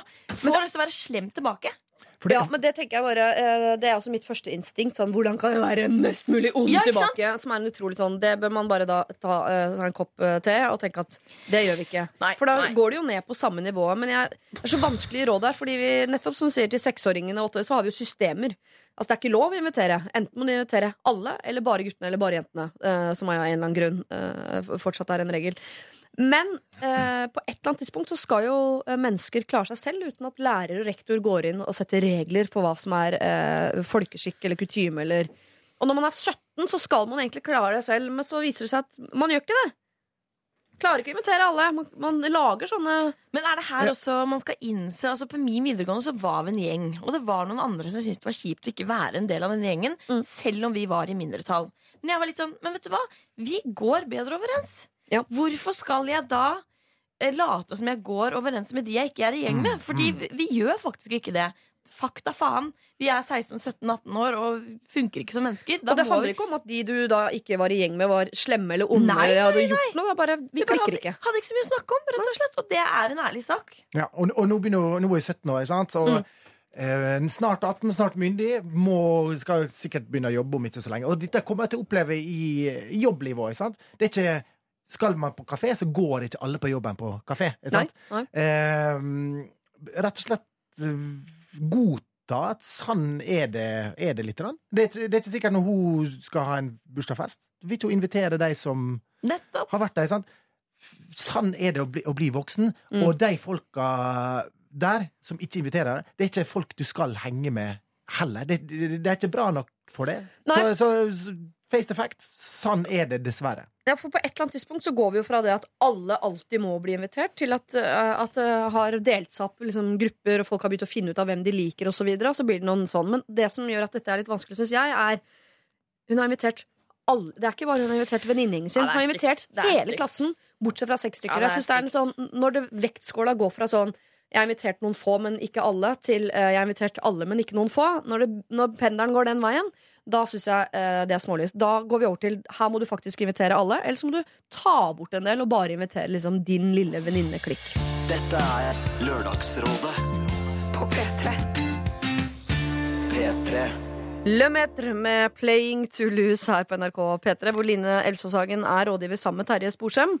Så skulle jo Cezinando vært her, da, men eh, han har forsovet Hva tror dere han gjør? Ligger han og sover? Han lever hiphop-livet. Ja, jeg håper han ligger med noen, jeg. Eller er Ja. fortsatt på nachspiel, liksom? Ja, jeg håper han er på runde sju med en eller annen Med Sofie Elise eller noe sånt. Ja, det har vært gøy. Jeg bare synes det har vært gøy. Er det siste news at, hun, at de har hooka? Nei, i så, eh, nei, nei, nei, jeg bare lager fiktive scenarioer som jeg syns hadde vært fint å se for seg i en fiktiv verden.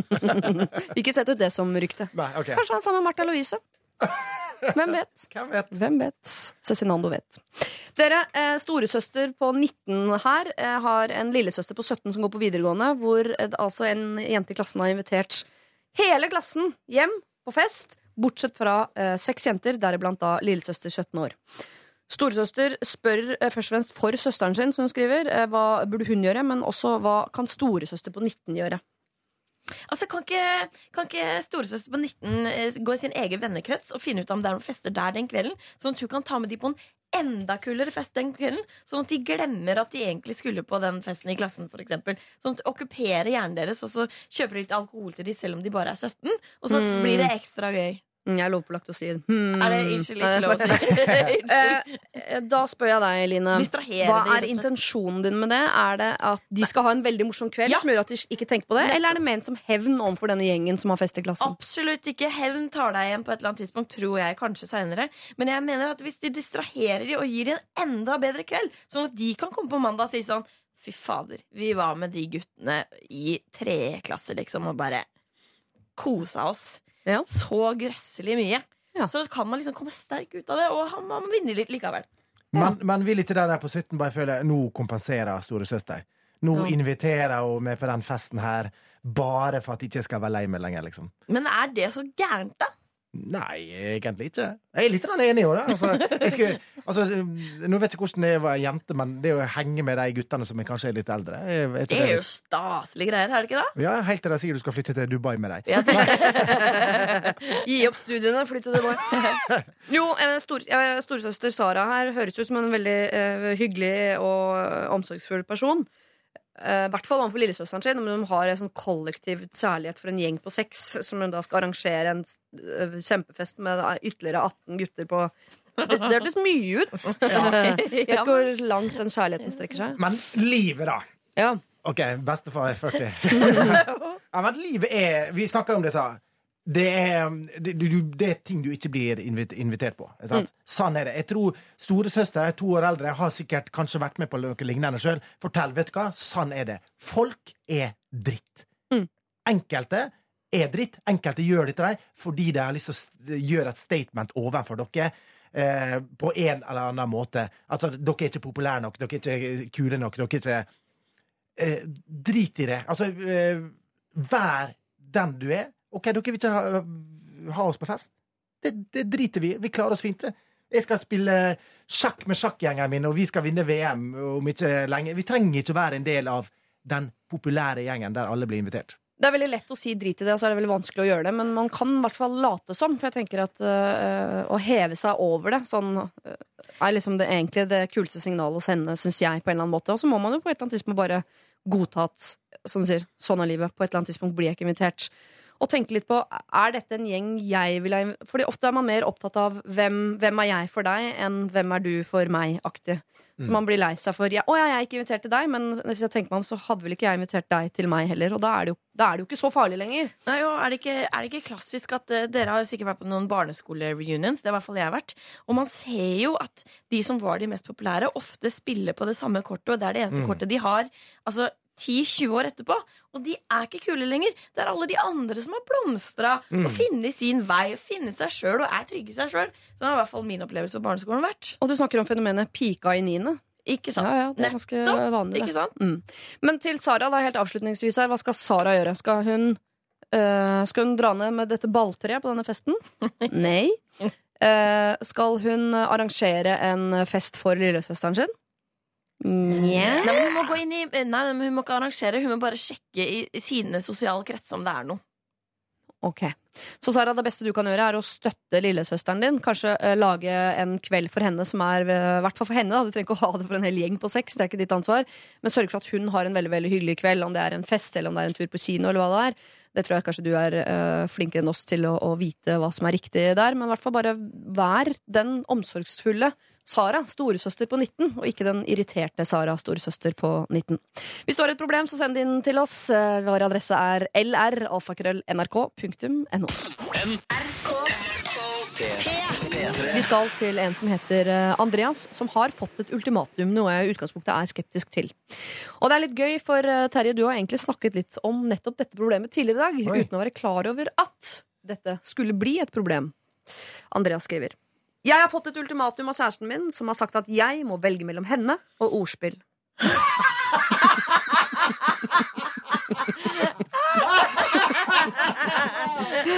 OK, det holder. Det problemet. Du trenger ikke mer informasjon. Eh, først fikk jeg en kvote på 2 Jeg Vet ikke om det var årlig eller per døgn, men det går veldig fort opp i det samme. Bortsett fra at jeg snakker i søvne, så jeg håper ikke det regnes. Men ganske fort kom hun til fornuft og fjernet selv de to prosentene, så nå må jeg altså velge mellom henne og ordspill. Så hva skal jeg gjøre, da? Jeg syns selv ordspill er vanvittig morsomt, men det kommer kanskje ikke som noen overraskelse. Jeg har tatt henne i å le av dem flere ganger, eh, og kan kanskje grave fram et mobilopptak av dette eller noe, eller rigge til et skjult kamera om dere trenger det, for å eh, komme med nyanserte råd. Det trenger vi ikke. Jeg syns ikke dette er lett, fordi jeg elsker dama mi og vil faktisk eh, gjerne ha gitt opp ordspill for henne, men det ligger latent som en refleks i barken. Har dere eventuelt noe råd på hvordan jeg enten kan kureres eller overtale henne til å leve med det? Jeg har eksempel prøvd å samle opp alle ordspillene mine inni meg og si dem på én gang, men det blir slitsomt i lengden. Jeg ser fram mot å høre fra Lørdagsrådet. Hilsen Andreas hele uka. Jeg har fått en mail til fra Andreas med noe ekstrainformasjon, men jeg tror ikke vi trenger det foreløpig. Vil For det er pseudonym. Det er ikke Jonas Rønning her. Eh, Nei, det kunne det fort, Ja, det kunne ja. fort vært. Ja. Ja. Okay. De har vært kjærester i tre år, bor sammen i Oslo. Men jeg mener, hvis dama di ikke liker ordspill, så er det ikke en morsom dame. ass hun er visst helt rå på uh, sarkasme og ironi. Da. Det er ikke han så okay. glad i. Så her er to humorbautaer møtt Ja. hverandre i kjærlighet. Ja, altså, dette, her, er- ja, dette her er jo uh, KLM versus eh, Harald og Bård. Ja. Ja. Men altså det, Kan de gifte seg? altså er det Ja.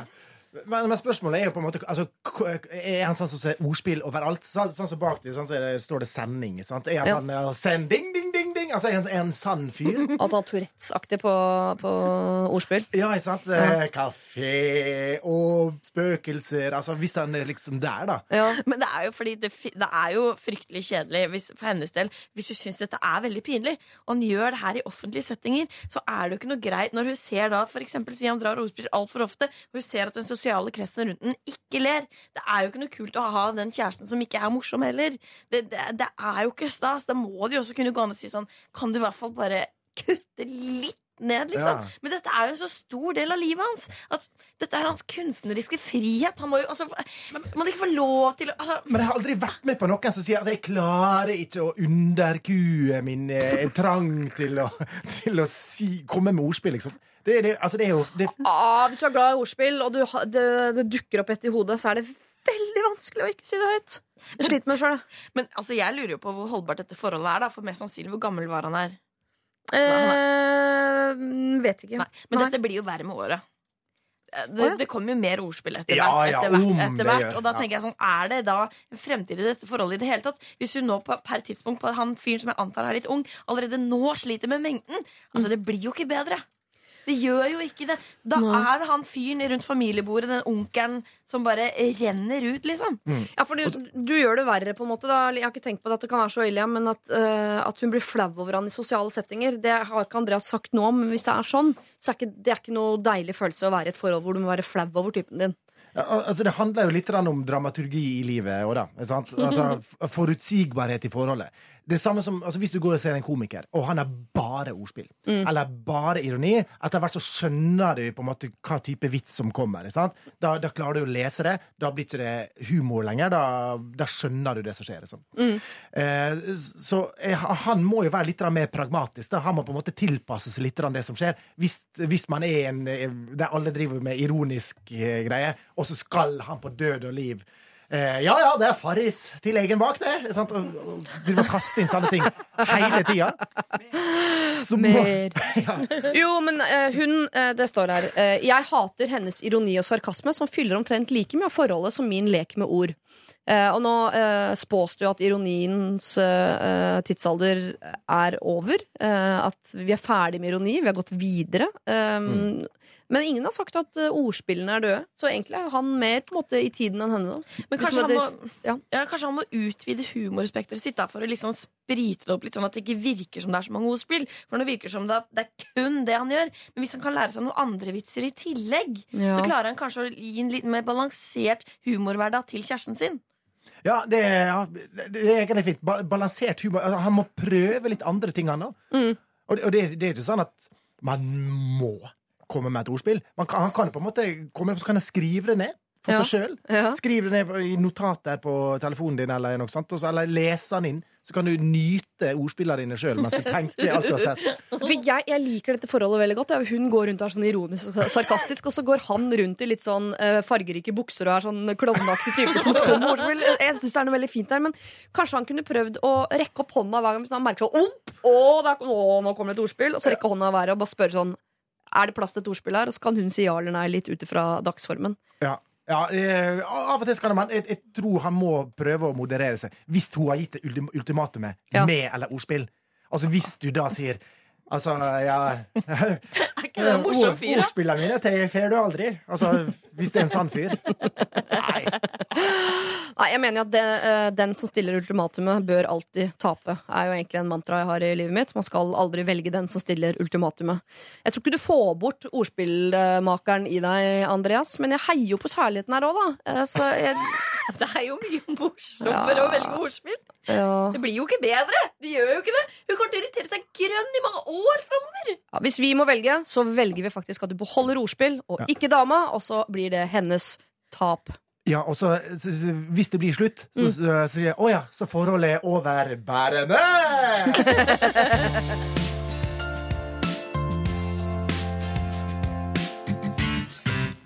Vi, eh, og når jeg sier vi, så mener jeg Terje Sporsem, komiker, og Line Elvsåshagen. Hva er du, liksom? Hva skal jeg si, programleder? Er man, heter det programleder når man lager sånn Jeg tror det heter programleder eller case. Case! Line. Case, Det må være det er Line Elfsås Hagen. OK. Um, her står det. Kjære Lørdagsrådet. Jeg har data en fyr i seks uker nå. Så langt kjenner Line seg igjen. Trenger ikke å notere. Han er utrolig hyggelig, og vi kommer godt overens. Så langt kjenner Line seg igjen. Trenger ikke å notere. Men jeg har et problem. Jeg tror han har tupé. Line må notere. Ikke le av det. Unnskyld! Grunnen til at jeg tror han har tupé, er Det er noe rart med håret hans, liksom. Det er noe som ikke stemmer der. Samtidig så har en venninne av meg også påpekt at hun syns det er noe rart med håret hans. Han har også sagt til meg i flere tilfeller med en litt irritert stemme at jeg ikke får ta på håret hans. Når jeg har spurt hvorfor ikke, så sier han 'jeg liker det bare ikke'.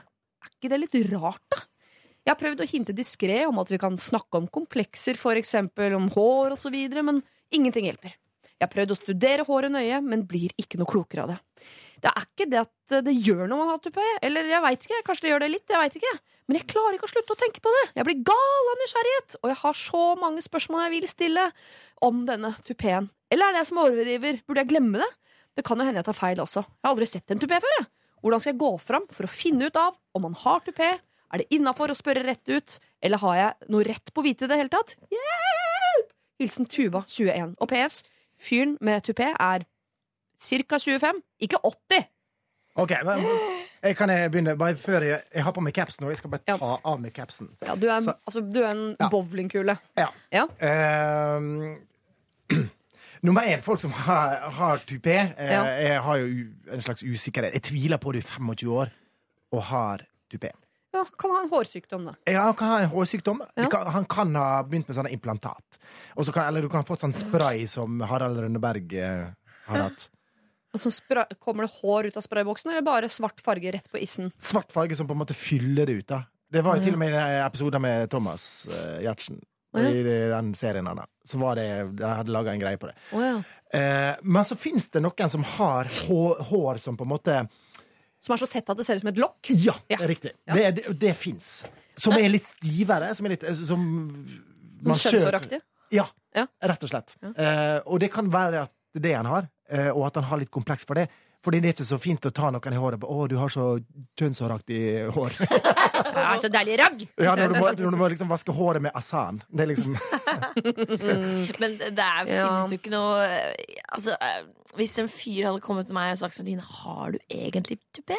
Jeg hadde følt meg så usexy i hele vårt forhold. Kanskje sånn to-tre år hadde det tatt. For jeg hadde klart å liksom føle meg vel igjen. Fordi hvis det ser ut som man har tupé, det er jo ikke noe kult. Jeg tenker heller at du må gjøre en eller annen sånn eh, uvøren bevegelse som eh, eh, tilfeldigvis gnisser armen hennes hardt inn mot hans hode for å se om noe beveger seg. Ja, men hun har jo strøket han i håret og sånn, og så sier han 'det liker jeg ikke'. ja, altså, da, da, da, det, altså, Hvis du har drevet og tatt han i håret Mm. Eh, altså, Tupé kjenner du, for det er ofte litt sånn komplisert sånn festemekanisme. Er det litt sånn hardt, liksom? Ja, altså, altså, og så er det jo lett at det på en måte kan løsne litt. grann. Altså, eh, altså, hun bør jo google tupé, da, hvis hun ikke har sett tupé først. Det er jo det vi- første hun skal YouTube Jeg tror de nyeste modellene innen tupé er ganske uh, vanskelig å uh, få syn på. Det er ikke sånn at den bare ligger løst oppå og kan blåses av. Et, det, jeg tror det er liksom De har kommet ganske langt Ja. på Ja, tupé-teknologien. Ja. Men eh, altså, det er et problem, da. Uh, men, men, men, hva- men hva Hvis han har tupé, da? Ja. Det er jo det som er interessant. her. Mm. Kommer det til å ødelegge for henne? Det virker jo ikke sånn. Og Det det, syns jeg er helt. kjempeflott. Nei, nei, men det, det, det, det det er jo noe med Altså, på et eller annet tidspunkt så må katta ut av sekken uansett. Så på et eller annet tidspunkt så kommer de til å dusje sammen, og det kommer vann i håret, og limet løsner, eller det skjer jo et eller annet på et eller annet tidspunkt uansett. Så det må jo bare skje. Men hvis han ikke har tupé, og hun spør rett ut Det er ikke en kul følelse for han også. Og- Uff. Nei, fordi eh, jeg skjønner Hun tenker masse på det. Uh, og det er egentlig litt unødvendig, men han tenker antageligvis enda mer på det. Hvis det er sånn at han har tupé Og han har nok tenkt at han skal slippe katta ut av sekken, på et eller annet tidspunkt men han vil gjerne velge det selv. Så når hun driver og tar han i håret, og sånn, så føler han seg pressa på å si noe som han er redd for at skal ødelegge mellom de. Så han tenker sånn Jeg må vente til vi i hvert fall data i tre måneder før, før jeg eh, slipper henne inn i den delen av livet. Men så det hun må gjøre, er jo at hvis hun er trygg på at Først må hun bli det, da. Eh, hvis hun blir trygg på at tupé eller ikke tupé, det spiller ingen trille, så må hun på en eller annen måte få det budskapet over, uten å nødvendigvis snakke direkte om tupé. Hun må jo jobbe med å få han trygg på at 'jeg liker deg uansett'. Ja, det er, det er helt enig i, og det er jo det, det som er nøkkelen her. For han kompenserer jo for et eller annet manglende selvtillit med den tupeen. På samme måte som OK, jeg, jeg tar eh, implantat i, i puppene mine, for jeg har komplekser for at jeg har for, for små pupper. sant? Mens de fleste gutter ville bare Nei, men puppene dine er helt fantastiske, de. Ja. Du, treng, du trenger ikke å blåse deg opp uh, for meg. Hvis hun uh, på en eller annen måte klarer å si For meg, det, det er du som er det viktige, liksom. Tupé eller ikke. Jeg vil gjerne Vikene dine. Jeg, drit i det. Om du skal Sleike vikene dine. Men kan hun gjøre seg selv sårbar, da? Kan hun si, eh, snakke om uh, ting ved seg selv som hun ikke er 100% fornøyd med, og se om det åpner opp en eller annen dør? For Ja, jeg tenker, I begynnelsen vil man jo være perfekt for hverandre. Herregud, Man later jo som man elsker fotball, og altså, det er så mye rart man driver med i begynnelsen bare for å eh, virke perfekt i den andre sine øyne, og så skjønner man at det var ikke nødvendig. Ja, det syns jeg er det, det, det, Ja, det synes jeg er kjempesmart. Det synes jeg absolutt du skal gjøre. Kom med hennes største kompleks. Åpne opp døra. Lag et område hvor det er trygt å snakke sammen. Og så kommer det etter hvert. Ja, eller komme med extensions. Bare sånn, Syns det er kjempefint. Sånn, nå har jeg tatt på masse masse hår. Syns du det var fint, eller? Og så kan han si ja, vet du hva, jeg syns det å ta på håret er fantastisk. Altså, Ja. hinte, hinte seg litt innpå. Fortsett å hinte. Men by på seg sjøl, på, Mm. på en måte som, eh, som Line sier. Kom med dine kompleks. Eller snik det inn. Mm, ja. Jeg tror vi går først og fremst for, uh, Tuva, at du bare eh, lag en plattform der uh, han er trygg på at du liker han uansett om det betyr at du må være litt åpen om dine eh, feil og mangler eller din sårbarhet eller hva det måtte være. Så eh, bare eh, by på deg, sånn at han skjønner at her kan jeg også stå fram med meg.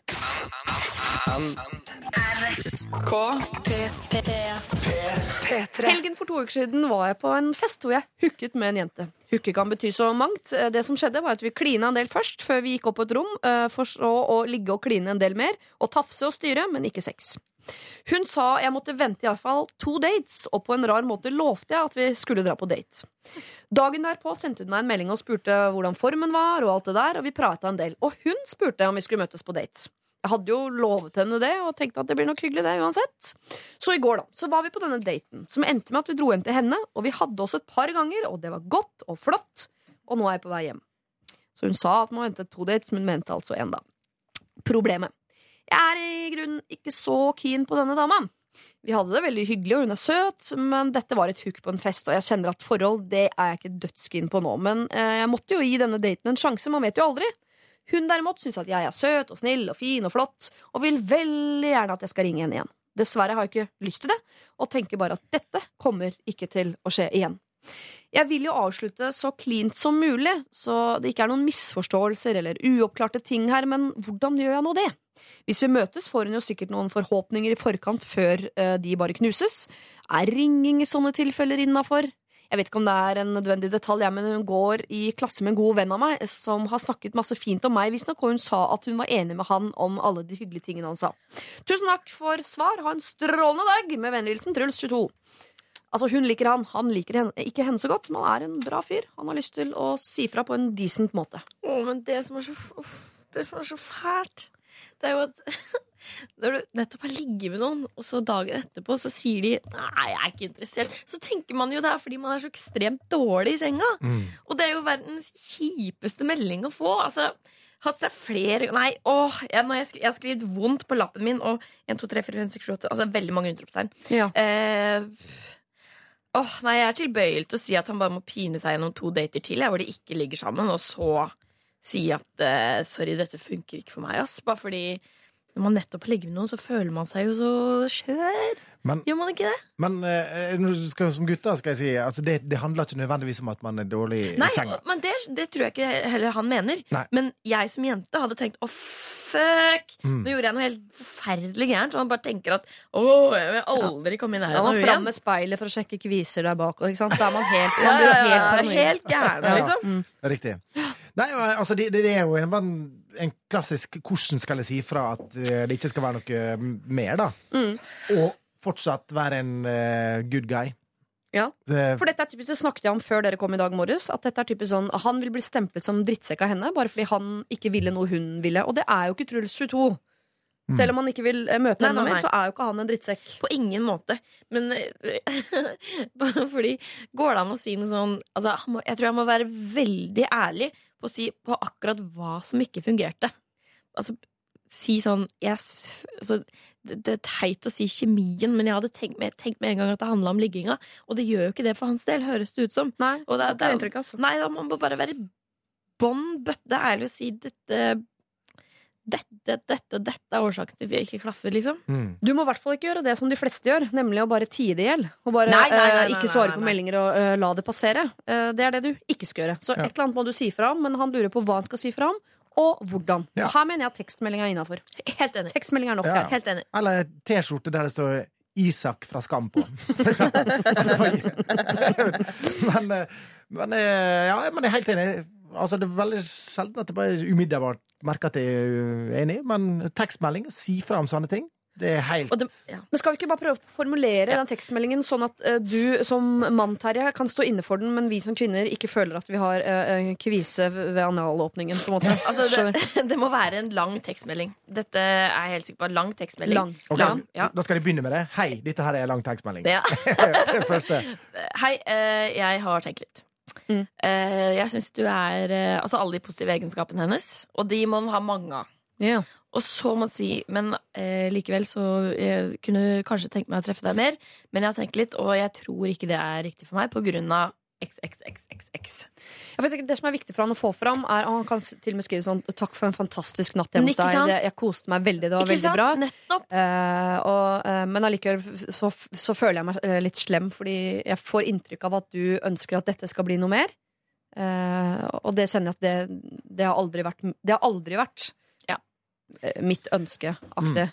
Men, men, men kan jeg bare spørre, hva, hva ville vært det verste hvis det på en måte lå sammen flere ganger nå, da? Mm. Ville det vært verre å dumpe da? Eller hvis det nå hadde OK, nå er jeg med et par uker, så ligger vi sammen sju-åtte ganger. Vi blir mer vant til det, og så dumper du. Er det verre? Også med at han skal ligge med henne flere ganger, bare for at hun ikke skal tenke at det er ligginga, men henne som menneske. Er ikke det win-win for begge, da? Så føler du seg litt bedre, for da handler det plutselig ikke om ligginga. Ja, for Gjør vel det? Det ja, gjør vel ikke egentlig det? Så har man pines gjennom sex. Ja, men kan han si Det høres ut som han ville ha mye sex, da, i og med at de lå sammen ganske mange ganger i løpet av den natta. Dette er litt utspekulert fra meg, altså, men kan han si det, da? På en eller annen måte at uh, vi kan godt uh, Altså, det var kjempehyggelig, og vi kan godt treffes igjen, men jeg vil bare si frem at uh, eh, jeg kommer aldri til å bli forelsket i deg på noen måte. Og da vil jo i hvert fall de fleste her ville jeg tenkt sånn, ja, men da skal vi vel heller ikke ligge, skal vi det da? Og så avslutter hun det. Men det kan jo være at det, hvis de ligger med, hvis de henger sammen litt mer, da, at han faktisk ser Al- Altså, det er jo en grunn til at han dro på date. Det var, han, det var en spark der som gjorde at han har lyst til å treffe henne igjen. Ja. har hatt sex, og han skrev jo at sexen var bra og alt etter det. Ja. Hadde, to, hadde sett to ganger. Men eh, for, han virker jo som en litt sånn, eh, en litt sånn typisk jeger. Da. Han sa ok, vi må være på minst to dater før vi har oss, og så har hun seg med en gang allikevel. Liksom. Så han, har- han har liksom fått utløsninga, og så er han ferdig med det. Ja, kanskje, kanskje, kanskje, kanskje, kanskje, kanskje det kan komme en sjanse. Eller at det, det kan være et håp. Men det er ikke det han vil! Han vil at vi skal hjelpe Nei. han å avslutte det. Nei, nei, nei, nei, nei, nei. Okay, ja. Jeg, vet du hva, jeg falt litt for den der ligge to ganger til på to dates til. Jeg. Så å Ja, nå putter du masse personlige behov inn i dette, Line. Vi er ikke her for å hjelpe deg. Ja, men jeg tenker, da, hadde jeg, da, hadde jeg, da hadde jeg ikke tenkt som jente at det var bare pga. ligginga. Eller så må du, må, som du sier, Siri, si det var en helt sinnssykt hyggelig kveld på alle mulige måter, men jeg føler det ikke helt, liksom. Ja. Fakta. Truls, hvis du er et så godt menneske at du har det i deg å feie over dette mennesket en gang til, så gjør for all del det. Eh, Men hvis ikke du er så snill, så kan du sende en tekstmelding der du gjør det veldig tydelig for henne at du, eh, det ikke handler om sexen, men eh, du ser ikke for deg at det blir dere to. P3 Dette er Lørdagsrådet på P3. P3. Ok, nå uh, er det en som prøver å smigre dere litt. Grann. Line Ulsås Hagen og Terje Sporsem, for her står det 'Kjære, vakre orakler'. Oh. For et uh, halvt års tid siden gjorde jeg det slutt med kjæresten min etter tre fine år sammen. Bruddet var stygt, jeg hadde mistet følelsene, men han ba meg på knærne om å prøve på nytt. Nå har vi ingen kontakt, og begge to har ny kjæreste. Plutselig en dag tikket det inn en melding om at han ønsket at jeg skulle levere tilbake et diamanthalskjede og øredobben han hadde gitt meg i en ett- og toårsgave. Det er verdt ca. et par tusen. Denne diskusjonen trodde jeg vi slapp. Vi snakket sammen om det ved bruddet, og da var det ikke en diskusjon engang. Jeg tilbød meg å gi det tilbake eller selge alt og gi ham pengene, men han syntes det var greit at jeg beholdt dem. Han sa at han hadde jo gitt meg dem i gave. Smykket har jeg rundt halsen hver eneste dag. Min nåværende kjæreste har ingenting imot dette. Det har blitt en del av meg, og det samme gjelder med han. Han er jo også en del av meg. Da er det snakk om den nye typen, altså. Hvorfor har han plutselig snudd? Plikter jeg å gi tilbake i alt? Jeg er jo tross alt the bad wolf, siden det var jeg som slo opp. Jeg trenger raskt hjelp. Eksen flyttet til en by langt unna rett etter bruddet, og er bare hjemme nå denne helgen. Klem fra ulven, anonym please. Høres ikke dette ut som en eks som er keen på å ha litt eh, kontakt, og bare kommer opp med en dårlig innstilling for å komme i kontakt? Da er han jo sosialt Altså helt knekt. for jeg sånn, jeg vil ha litt Jo. kontakt med hun som dumpa meg. Jeg lurer på om jeg gjør det via rasshølkanalen. Nei! Nei! Men er ikke det sånn sånn iskald måte å være sånn Du har det det perlekjedet, og så neste melding er sånn Ja, hvordan går det egentlig? Og så ja, skal begynne ovenpå, ja. Ja, ja, ja. Jeg så over deg, få det greiene. Ja, ikke sant? Ja, ja, ja. Og så Ja, det tenker jeg. Eller at han vet at hun er så knytta til det smykket. At det, at det er nært og personlig. At det bare er sånn Å nei, hva kan jeg gjøre for at jeg ikke må gi det tilbake? Ikke sant? Og Du må bli sammen Men med meg igjen! Kom i kjelleren min.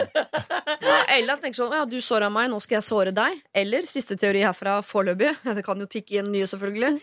Eh, han, det har gått et halvt år. Han er over henne, så nå har han ikke de følelsene lenger. Det er ikke kaos inni, så han er mer sånn nøktern på det.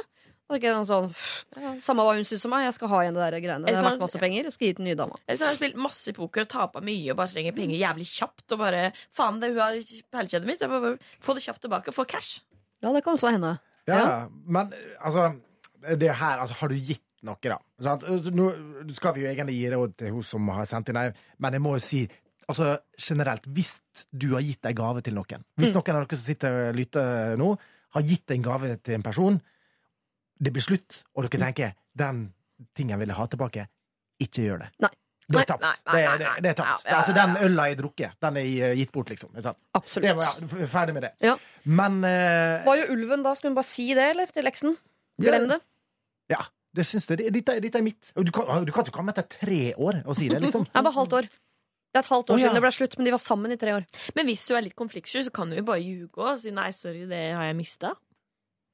Ja, altså, hvis du har det rundt halsen hver dag, så Ja, men de, altså, møter de hverandre, så blir de kanskje litt kleint fordi han kanskje ser det, men Men hvorfor, uh, hvorfor syns ulven det er vanskelig å si nei til dette? Altså, uh, Hun er allerede the bad wolf. Dette er en fyr hun ikke har noe med å gjøre, verken i dag eller senere.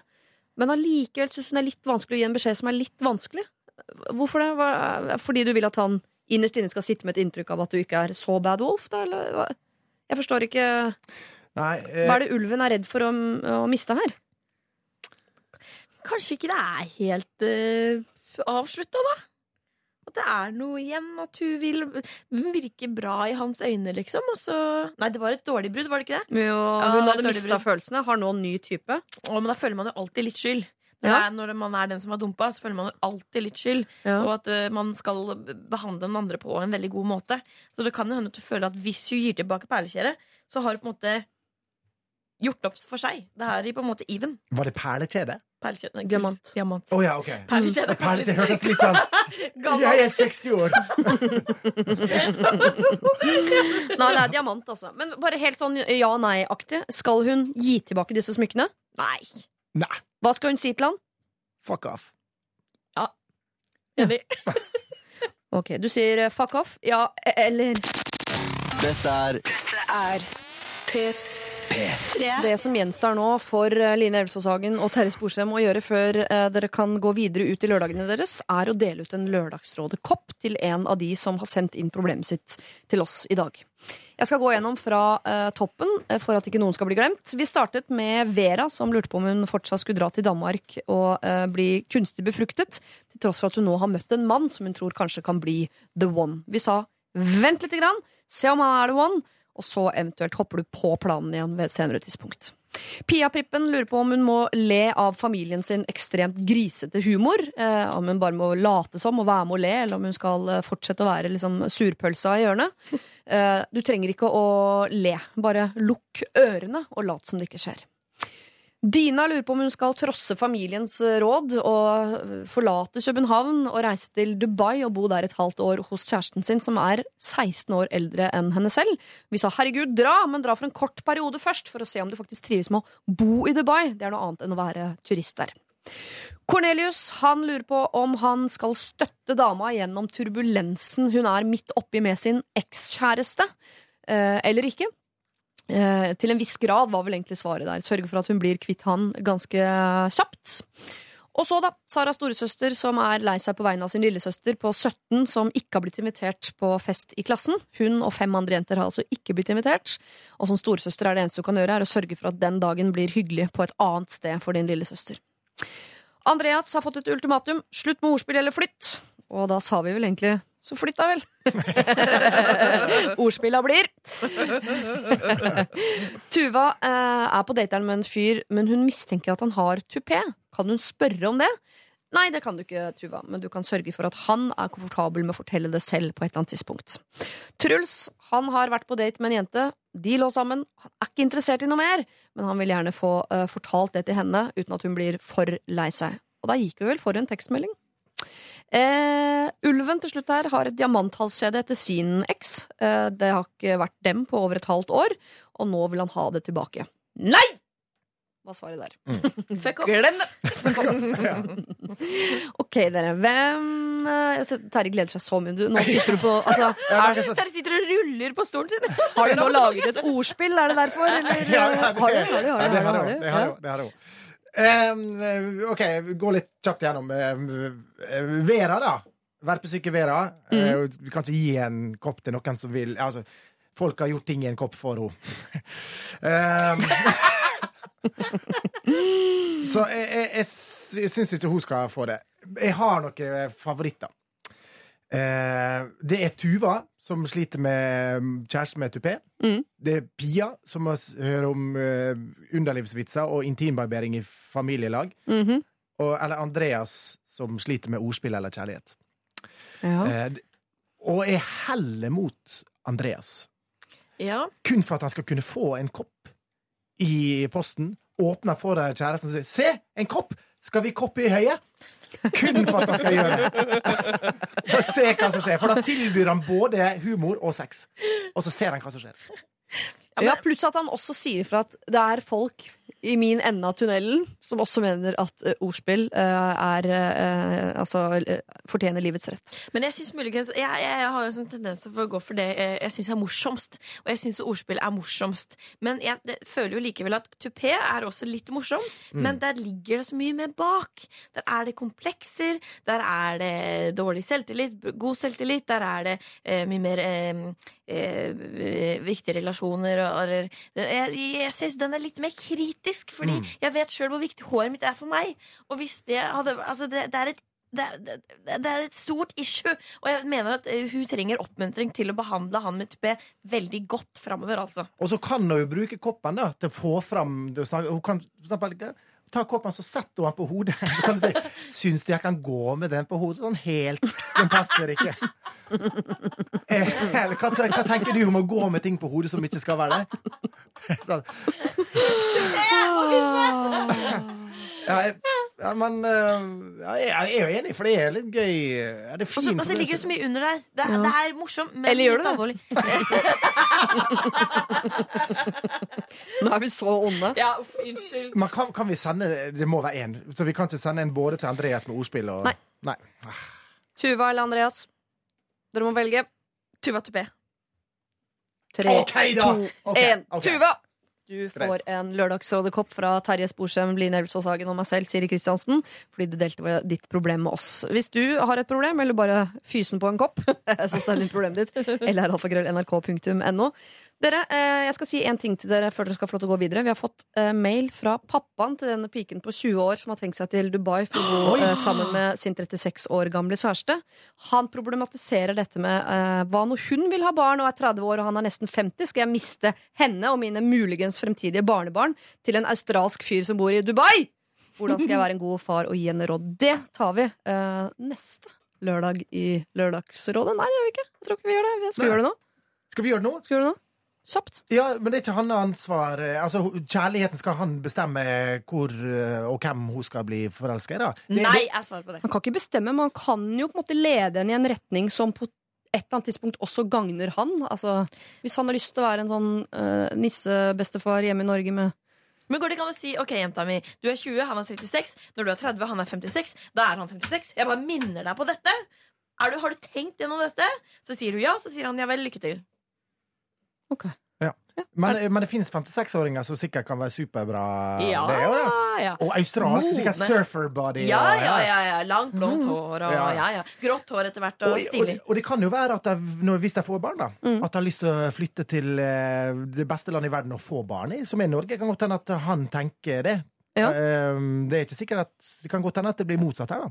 Og så vil jeg også si at Du spør om hvordan du skal være en god far. Du spør ikke om hvordan du skal være en god bestefar. Det kommer eventuelt senere. Akkurat nå skal du være en god far, og hva skal en god far gjøre? Jo, skal ønske barnet sitt et så lykkelig liv som mulig, og akkurat nå tror vi hennes lykke er i Dubai. Er det ikke så enkelt, da? Så enkelt. Enig. Ja, ikke tenk så mye på deg selv. Tenk på datteren din. Da er du en god pappa. Tusen takk, Terje og Line. Det har vært kjempegøy og hyggelig å ha dere her. Kjipt det, Cezinando! Dette er P3. Dette er P3. Hørte jo litt av Siri sin eh, karakter i starten av uh, podkasten. Tenkte bare skal ha en liten ønskereprise for deg som har holdt ut helt til slutt. God natt hvis du skal sove. Ok, ha det. Morgen, er du vegetarianer, så kan du ikke kjøpe skinnsofa. Men det er lov å kjøpe skinnsofa. Men da er du ei en vegetarianer.